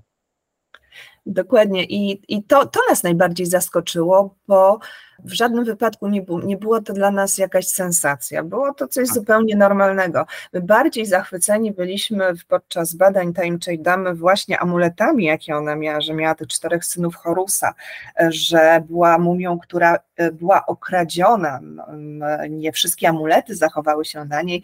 Wiedzieliśmy, że coś jest nie tak, bo miała uszkodzone bandaże i zastanawialiśmy się, czy w ogóle tam będą jeszcze na niej jakieś amulety, czy wszystkie zostały przez złodziei wyjęte jeszcze pewnie zanim momia trafiła do Polski. I to nas fascynowało, natomiast ciąża wydawała się nam czymś takim normalnym, zmarła w ciąży.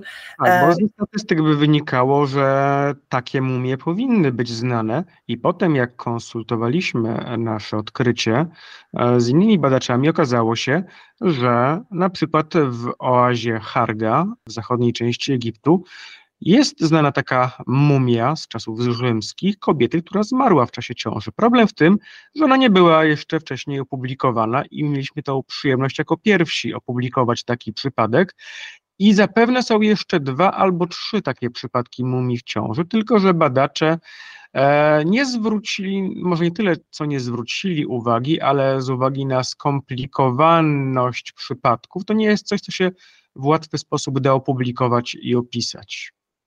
Tak, dlatego że, no tak jak mówiłam, sam, sam nawet e, nasz e, płód, który, który my zauważyliśmy i, i opisaliśmy, no wygląda no, nie tak jakby każdy oczekiwał, że będziemy mhm. mieć ładnego bobasa, e, której po prostu całym swoim kształtem wygląda i ma wszystkie elementy wyglądające jak płód, bo pamiętajmy, że to jest po prostu wysuszone ciało bardzo, bardzo małego człowieka, a w ciele matki zachodziły procesy bardzo skomplikowane. To nie była taka zwykła mumifikacja egipska, że jakby wyjęli płód na zewnątrz, jak dzieci, chociażby przedwcześnie narodzone dzieci Tutenhamona, które zmumifikowano po prostu i zachowano. To nie było tak. To dziecko podlegało procesom w matce, gdzie wysuszano ciało matki, e, dziecko było w macicy, e, gdzie zachodziły procesy wręcz przeciwne do wysuszenia, tam te zachodziły procesy z działaniem różnych kwasów, które tworzą się po śmierci, wpływają na tkanki, na kości i na wszystko, no, co się dzieje w ciele po, po śmierci. To są procesy znane i, i opisywane w literaturze, a dopiero później to wszystko, całe, cała macica z płodem e, wyschło, więc cały obraz jest, no powiedzmy, nie taki, jakbyśmy wszyscy chcieli, że mamy piękne, pięknego bobasa, jeszcze może moglibyśmy płeć określić, to nie jest możliwe w tym wypadku. Sam stan zachowania tego, tego płodu też nie jest najlepszy, dlatego że mumia jest e, trochę uszkodzona, ma przesuniętą obręcz miedniczą, jest kość biodrowa przesunięta zgodnie z względem kości krzyżowej, co się bardzo często w mumiach zdarza. Prawdopodobnie przy przenoszeniu mumii albo przy wyjmowaniu z, z grobu gdzieś ta mumia się delikatnie mówiąc zgięła i troszeczkę w środku poprzesuwała, więc to wszystko e, jest, e, jest to obraz, e, który tak naprawdę jest trudny do czytania. Bardzo dużo daje, mi przynajmniej dało to, że rozwijałam mumię i że robiłam autopsję mumii prawdziwych, to znaczy prawdziwych, wszystkie są prawdziwe, ale powiedzmy w, w Egipcie mumii naturalnych, mumii właśnie koptyjskich, mumii, w których były wszystkie, często wszystkie organy wewnętrzne praktycznie zachowane, no może poza jelitami, które gdzieś tam się rozłożyły, ale możliwość trzymania w dłoniach zmumifikowanej wątroby, serca, płuc, i widziałam, jak wygląda to w czasie sekcji, te wszystkie organy wewnętrzne człowieka współczesnego, tak, e, organy wewnętrzne, jak wyglądają u ludzi żyjących, powiedzmy, czy też zmarłych niedawno, a możliwość e, oglądania i trzymania w dłoniach i badania tych organów wewnętrznych i obejrzenia, jak wyglądają zmarli ludzie tysiące lat temu, setki lat temu, ich wnętrzności, E, bardzo, bardzo pomogły w badaniu mumii. To jest naprawdę coś, co jest ważne, żeby móc się w ten sposób E, no, powiedzmy też uczyć, tak? Tak jak lekarze uczą się przechodząc przez e, salę, przez prosektoria i uczą się anatomii prawidłowej człowieka na uniwersytetach medycznych, a tak samo na pewno badacze mumii, którzy mogli rozwijać mumię, którzy badali tę mumię w sposób właśnie robiąc autopsję, na pewno łatwiej im jest badać potem mumię ze skanów, z tomografii komputerowej. Można też robić mumie eksperymentalne, Tutaj e, Salima Ikram mumifikowała króliki, zresztą różne zwierzęta, robiła mumifikacje e, eksperymentalne, bo Breyer zmumifikował człowieka, którego też bada cały czas, prześwietla, sprawdza, jak te procesy e, postępują, co się dzieje z tym ciałem ochotnika. To jest bardzo ważne, dlatego że nam się wydaje, że mumia, jak została zrobiona w starożytności, no to jest taka klatka stop i nic już się nie dzieje. Nie, to jest ta, cały czas zachodzą procesy, cały czas to ciało troszeczkę się zmienia, cały czas się bardziej mineralizuje, może zacząć pleśnieć, może zacząć gnić. Wszystko zależy od tego, w jakich warunkach jest mumia. Więc każda zmiana warunków też jest istotna dla mumii, dlatego tak ważne jest, żeby e, mumie były przechowywane w muzeach w odpowiednich warunkach, żeby nie zmieniać im wilgotności, bo po prostu możemy, możemy je stracić. W sumie to jest filmik na YouTubie, na którym próbują mumifikować kurczaka. To znaczy, sprawa z tym wyszła tak, że chcieli spróbować mumia vera, czyli tego medycznego proszku, który był robiony z mumii i na początku chcieli zjeść tego kurczaka, ale jak zaczął cuchnąć, to doszli do wniosku, że to nie jest najlepszy pomysł, więc potem zabrali się za jedzenie tych mazidów wszystkich. No i to tak średnio wyszło, powiedziałbym. No to co ale... odpowiednio zrobić? Tak naprawdę mumie bardzo ładnie pachną. Miałem okazję wąchać mumie w kilku kolekcjach muzealnych. Zgadnij, y, jaka część mumii najładniej pachnie? Stopy? Dokładnie. E, bo pewnie ciało było układane w ten sposób, jak było namaszczane, że te olejki, wszystkie zapachowe spływały w dół i najbardziej woniejącą częścią mumii są właśnie stopy. A jak mumia smakuje, e, nie mówię z doświadczenia, ale tak na logikę, to mumia jest słona. To zresztą potwierdziła moja jedna koleżanka, która sprawdza technikę e, balsamo, balsamowania mumii po prostu śliniąc palec, przykładając gdzieś do piasku, gdzie ta mumia została znaleziona i jeżeli piasek jest słony, to znaczy, że użyto natronu, czyli tej naturalnej sody, która jest słonawa e, i w ten sposób e, wiemy, jaka technika była użyta. No i oczywiście mumia musi być odpowiednio, jak jest odpowiednio wysuszona, no to mamy taki właśnie słony proszek o zapachu żywic, więc to wcale nie musiało być takie okropne. Okej, a wracając jeszcze do Warsaw Mummy Project, to co tak naprawdę jest następne w tym projekcie? No, mamy dużo jeszcze mumii na liście. Tak, Tak. Tajemnica Dama była na samym końcu naszej listy mumii do opisania w raporcie dla Muzeum Narodowego i ona stała się najciekawszą mumią, ale w kolejce czeka jeszcze kapłan imieniem Panepi, e, dwoje dzieci, no cała plejada rąk, nóg, e, głów i mumie zwierzęce oczywiście. Tak, mumie zwierzęce. Mamy też mumię, fałszywą mumię właśnie i to jest, to dla nas była taka ciekawostka i to jest mumia następna w kolejce do opisania. Tutaj więcej nie zdradzimy, ale, ale jest, też, jest też taka mumia. E, Niemniej Miało ciekawa, dziecko, a wyszedł, e, wyszła kinder niespodzianka, o której mam nadzieję opowiemy przy jakiejś innej okazji. No, myśl, myślę, że jedną Kinder niespodziankę to już mieliście e, w toku tego projektu, dosyć dosłownie.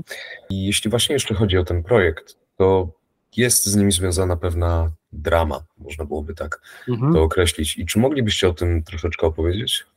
To jest tak, że każde ciekawe odkrycie, coś ważnego, rodzi pytania i kontrowersje.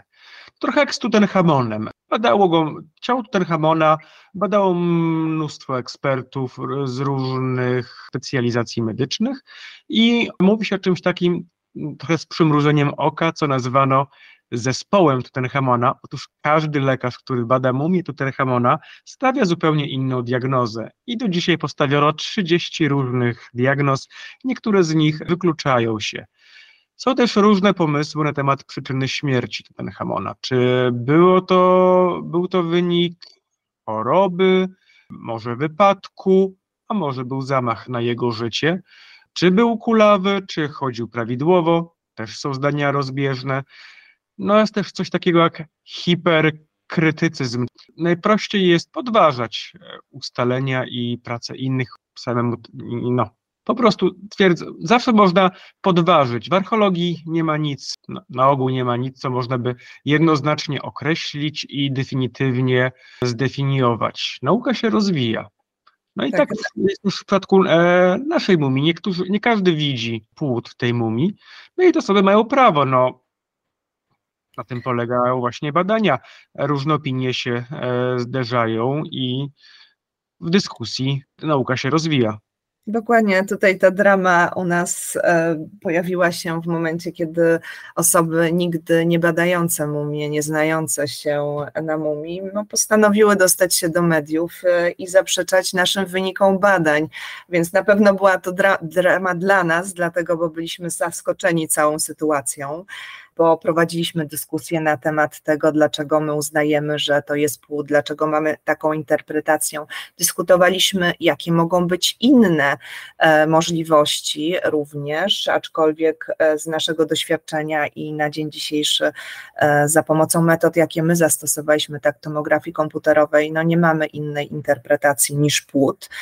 Poza płodem są jeszcze różne inne elementy, typu więcej skóry na brzuchu, lordoza kręgosłupa, tak jak gdyby łącznie z tymi amuletami na brzuchu, tych powiedzmy przesłanek ciąży, jest o wiele więcej niż sama ciąża, co tak naprawdę dla mnie jako badacza, jako też kobiety jest trochę absurdalne, bo jak kobieta chce wiedzieć, czy jest w ciąży i potwierdzić, to najpierw robi test.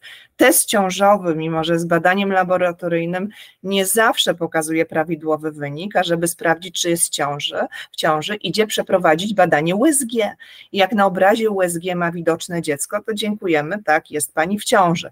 W naszym wypadku um, po prostu pojawiły się osoby nieznające się na, na mumiach i badaniu mumii, które stwierdziły, że no właśnie, że nasz płód nie wygląda tak, jak płód powinien wyglądać i że może płodem nie jest. No i postanowiły to opublikować, rzucić informacje do mediów e, z informacjami, że dosłownie mieliśmy przewidzenia, krążyły historie, że mi w nocy wydawało się, że widzę płód. Takie troszeczkę absurdalne rzeczy, zwłaszcza, że to nie jest tak w nauce, że dokonujemy jakiegoś odkrycia, mówimy wow, mamy płód, opiszmy go i dzień później trafia do, to do prasy naukowej. To A są to było długo, to było konsultowane też ze specjalistami, z ginekolog-położnikiem, e, innymi Tutaj... antropologami i nas ta cała w ogóle sława medialna trochę zaskoczyła, bo artykuł został opublikowany przedwcześnie. Miał się ukazać chyba w maju, a ukazał się w kwietniu. No i pewnego dnia sobie rano sprawdzam o siódmej rano pocztę i patrzę, jest mail z chyba niemieckiej agencji prasowej z pytaniami dotyczącymi naszego odkrycia i dziennikarka czytała artykuł i chciałaby ze mną zrobić wywiad. A ja tak, ale o co chodzi? Już to miało być za dwa tygodnie publikowane. No okazało się, czasopismo się pośpieszyło, nie, nie poinformowało nas i Mieliśmy dwa tygodnie e, wyrwane e, z życia, bo nagle trzeba było umawiać się na e, mnóstwo wywiadów, napisać oświadczenia, przygotować materiały dla prasy, trochę łapu-capu. A jeżeli chodzi o ten cały dramat, tą dramę związaną z czym Umia jest w ciąży, czy nie jest, nie ma tego dobrego, co by, czy nie ma tego złego, co by na dobre nie wyszło, bo dzięki temu też projekt stał się bardziej znany jeżeli kogoś nie interesuje egiptologia, antropologia fizyczna, no to może kogoś zainteresowała cała ta. Drama, po prostu drama. Tak. Natomiast ja nie wiem, Wojtku, e, czy słuchacze wiedzą, jak wygląda publikacja takiego artykułu, bo to jest, my znamy publikację, zresztą powiedziałeś, w czasopiśmie. E, my opublikowaliśmy wyniki naszych badań w takim bardzo poważnym periodyku naukowym Journal of e, Archaeological Science. Science, tak, Journal of, yes, Journal of Archaeological Science, gdzie artykuły są recenzowane to są osoby, które są związane z e, archeologią, z antropologią, z badaniami radiologicznymi, recenzenci, recenzują, czyli czytają taki artykuł, wnoszą uwagi. Jeżeli uważają, że coś jest w takim artykule nie tak, no to autorzy muszą poprawić. My takie poprawki musieliśmy e, nanieść, drobne na szczęście, i też jak gdyby wydają zgodę, czy, czy dany artykuł do tak poważnego pisma, to jest jedno z najbardziej topowych naukowych pism archeologii, czy w ogóle się nadaje, czy to jest wystarczające, żeby było opublikowane. My w Journal of Archaeological Science opublikowaliśmy już dwa artykuły właśnie o tajemniczej damie. Jeden o samej ciąży i pierwszy artykuł jej poświęcony, a drugi właśnie artykuł polemiczny, artykuł, w którym prowadzimy rozważania i próbujemy dojść do tego, dlaczego ten punkt wygląda, jak wygląda. Okej, okay, a na przykład jako, że cały czas są ludzie, którzy wątpią w to, że macie tam faktycznie płód, to czy istnieje możliwość, żebyście po prostu rozcięli tę mumię, wyjęli to, co jest w środku i zbadali? tu należałoby się zastanowić, czy ważniejsze jest odpowiedzenie na 100%, czy mumia jest w ciąży, czy ważniejsza jest sama mumia, która jest naprawdę unikatowa, bo jest jedną z najlepiej zachowanych mumii w kolekcjach muzealnych. E, co jest ważniejsze? Jakby ktoś mi powiedział, że okej, okay, to ją rozcinajmy, bo musimy sprawdzić, tam powiedziała, że w tym momencie, że mi jest tak naprawdę wszystko jedno, czy ona jest, czy nie jest w ciąży. Dla mnie ważniejsze jest to, że jest to młoda kobieta, która zmarła, która miała swą historię. Na podstawie tomografii komputerowej e, nasz zespół zinterpretował zawartość jej miednicy jako, jako ciąża. Prawda jest też taka, że z mojego doświadczenia rozwijania mumii, jakbyśmy tą mumię rozwinęli i zajrzeli do środka tej mumii, mogłoby się okazać, że w momencie rozcięcia brzucha, który już wiemy, że jest bardzo popękany, bo to widać e, na tomografii komputerowej, że ta skóra jest w wielu miejscach uszkodzona, mógłby nam zostać czysty proch. Proch plus pakunki kanopskie. I tutaj byłoby ciężko cokolwiek zauważyć, e, czy nie, no nie byłoby to takiego zmumifikowanego bobaska, tak? Prawdopodobnie byłoby to e, czarna, ciemnobrązowa substancja, pył, który by został, tak jak często widziałam właśnie w zmumifikowanych, nawet naturalnie ciałach, fragmenty wątroby, fragmenty płuc, wyglądające zupełnie inaczej niż wyglądają naturalnie. Więc dla mnie ta mumia jest cenniejsza niż, niż sama e, teoria, tak? czy e, zastanawianie się, czy jest, czy nie jest. Na pewno ważne jest to, że poruszyliśmy temat samej ciąży w Egipcie, tak? samego e, sposobu podchodzenia do porodu. To jest w tej chwili temat, który został zauważony. Badacze coraz więcej dyskusji prowadzą właśnie, czy jak to by było, czy kobieta właśnie w Egipcie powinna być pochowana z dzieckiem w brzuchu, tak i większość dochodzi do wniosków właśnie tak jak mówiliśmy, że jest to zupełnie naturalne. E, to jest istotne. My chcielibyśmy przeprowadzić dalsze badania, chcielibyśmy pobrać próbki, bo łatwiejsze byłoby niż rozwijanie i rozcinanie tej mumy po prostu e, zrobienie małej dziurki i laparoskopowo dostanie się do, do brzucha i pobranie próbek. Chcielibyśmy zrobić badania genetyczne, ale tutaj też jest wielka niewiadoma. To są szczątki, które mają ponad 2000 lat. Nie zawsze badania DNA, nie zawsze badania genetyczne wychodzą. To znaczy czasami po prostu nie są zachowane e, na tyle dobrze komórki, na tyle dobrze tkanki, żeby można było coś na ten temat powiedzieć.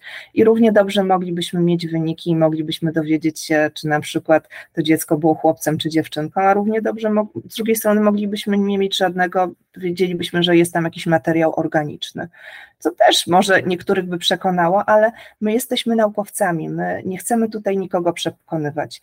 Naszym najważniejszym celem i zadaniem jest jak najlepsze opisanie przypadku i my to robimy, jak najlepiej potrafimy. No i niezależnie od tego, czy mumia jest w ciąży, czy nie, zwróciliśmy uwagę specjalistów na wcześniej no, ewentualność, która nie była brana pod uwagę, że mogą być mumie, no, mumie, mumie kobiet, które zmarły w czasie ciąży bo wielu specjalistów nie brało tego pod uwagę, analizując zdjęcia z tomografu, e, zdjęcia rentgenowskie i tomografie komputerowe. Tak, Więc mamy bardzo... nowe pole e, do badań.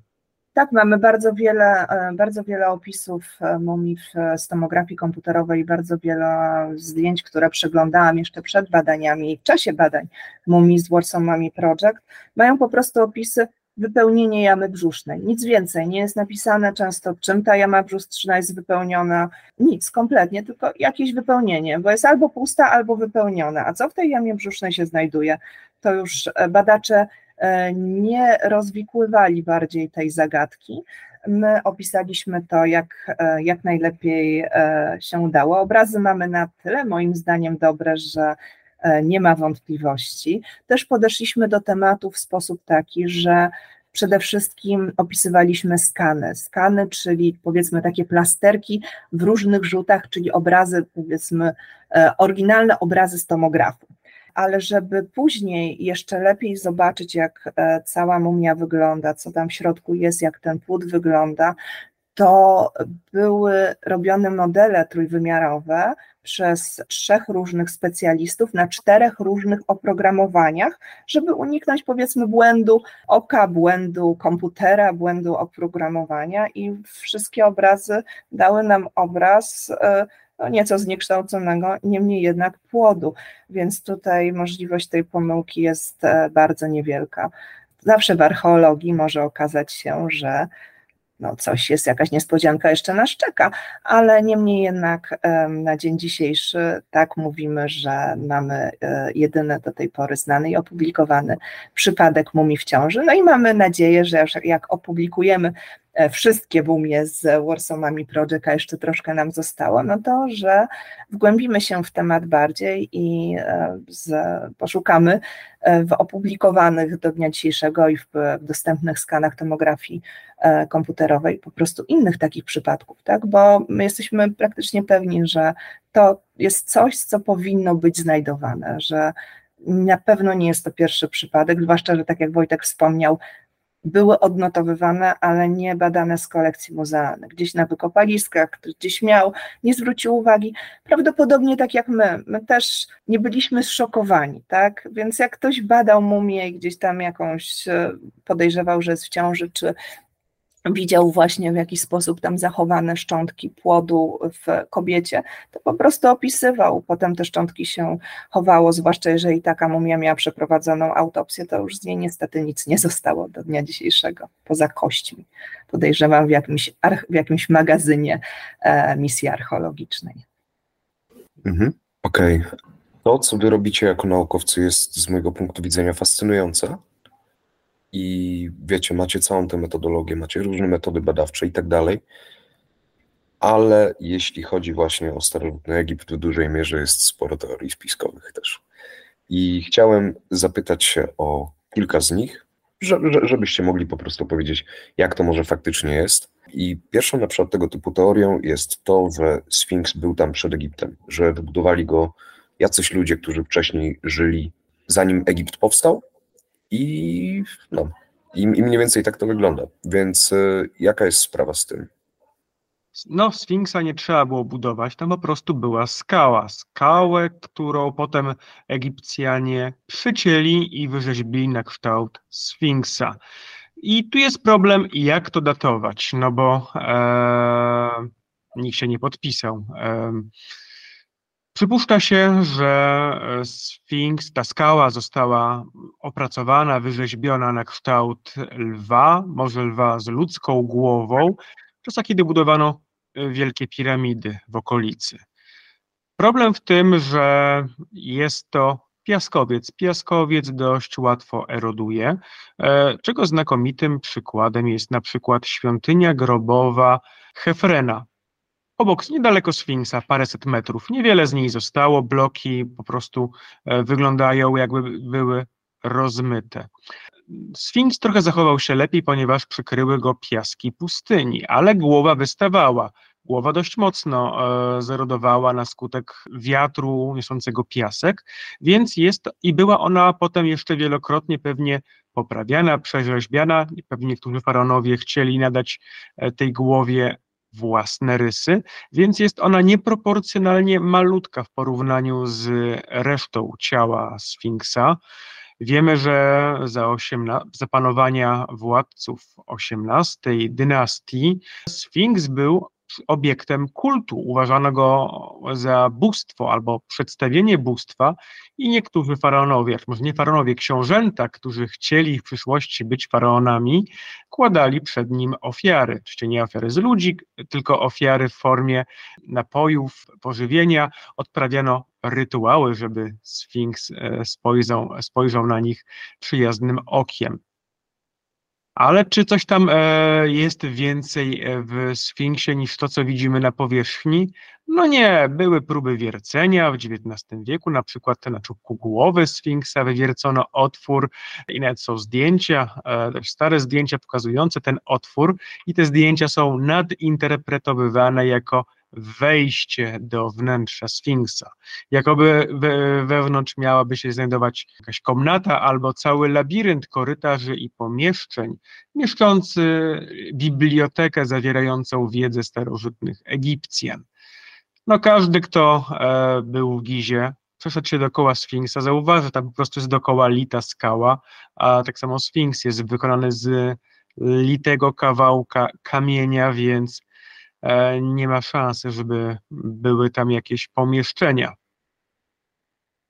Tak w ja najbardziej... telegraficznym skrócie.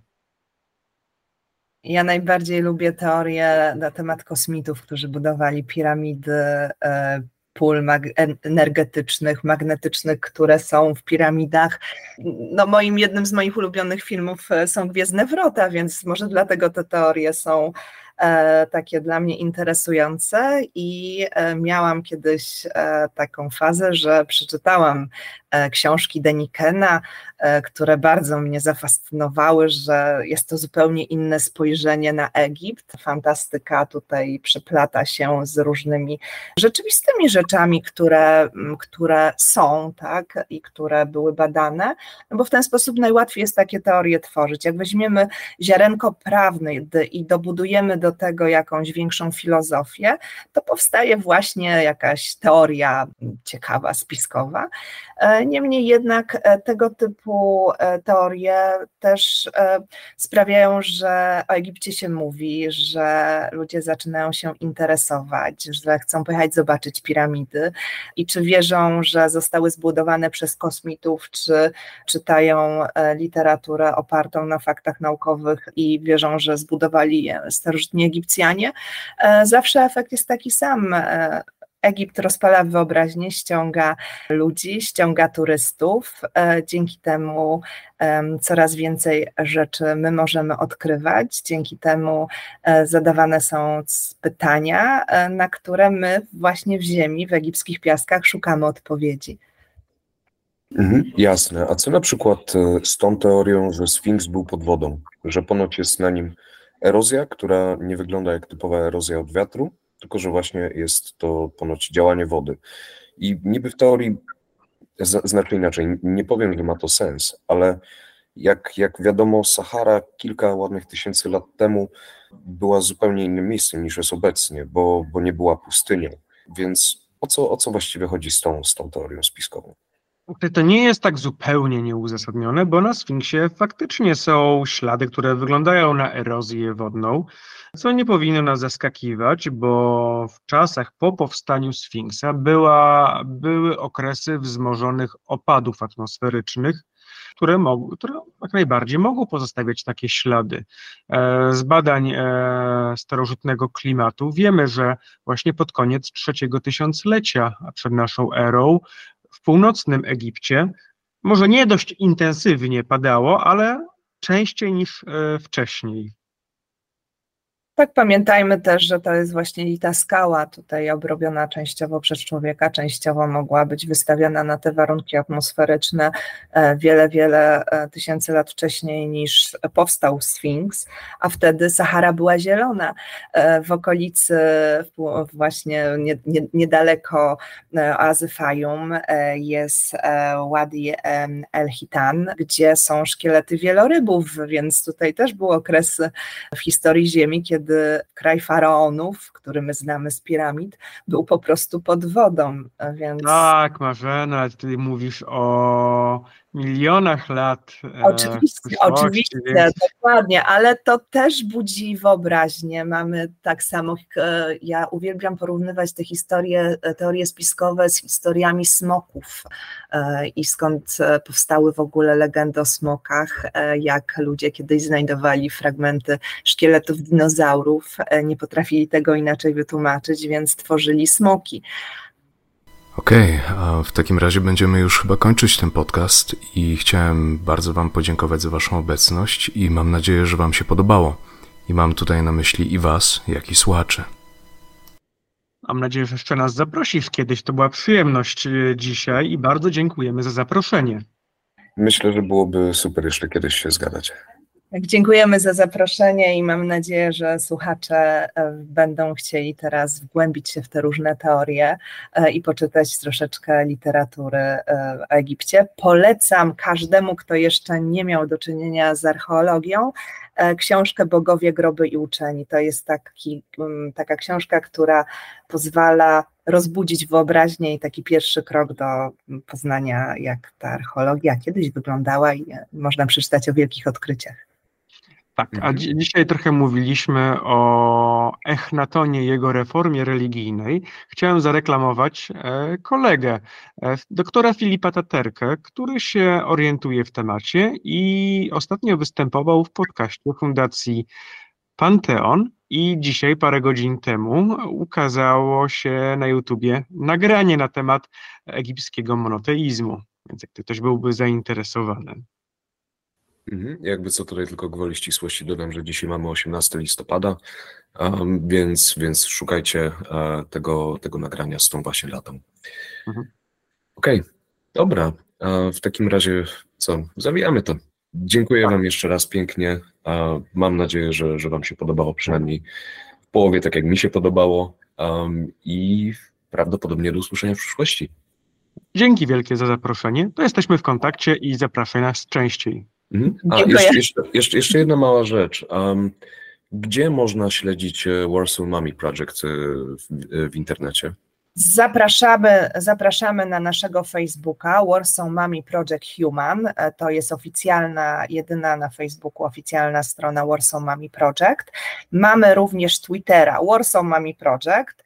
Um, I mamy Instagram, Warsaw Mummy Project. I, i, i tak, tylko właściwie na Facebooku Warsaw Mami Project Human, e, wszędzie indziej e, Warsaw Mami Project. E, strona internetowa nasza na razie nieoficjalna nie istnieje, to znaczy nie mamy dostępu do naszej byłej strony internetowej, więc wszelkie publikowane tam treści nie są przez nas autoryzowane ale na dniach mamy nadzieję, że już e, domkniemy otwieranie Mami Research Center. To jest taka troszeczkę odpowiedź na potrzeby naukowe, ponieważ badamy już mumię nie tylko z Warszawy i tam e, będą już wszystkie informacje publikowane na temat innych projektów i również Warsaw Mami Project.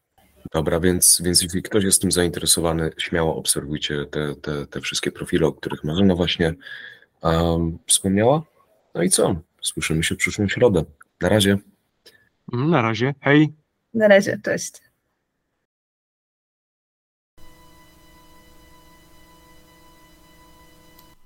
Dzięki wielkie za przesłuchanie tego odcinka.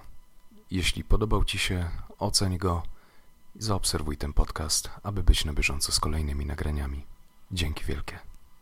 Jeśli szukasz usług z zakresu mediów społecznościowych bądź marketingu dla swojej gry komputerowej, albo jeśli masz zapytania biznesowe, napisz do mnie wiadomość na jakub.hipsagency.com.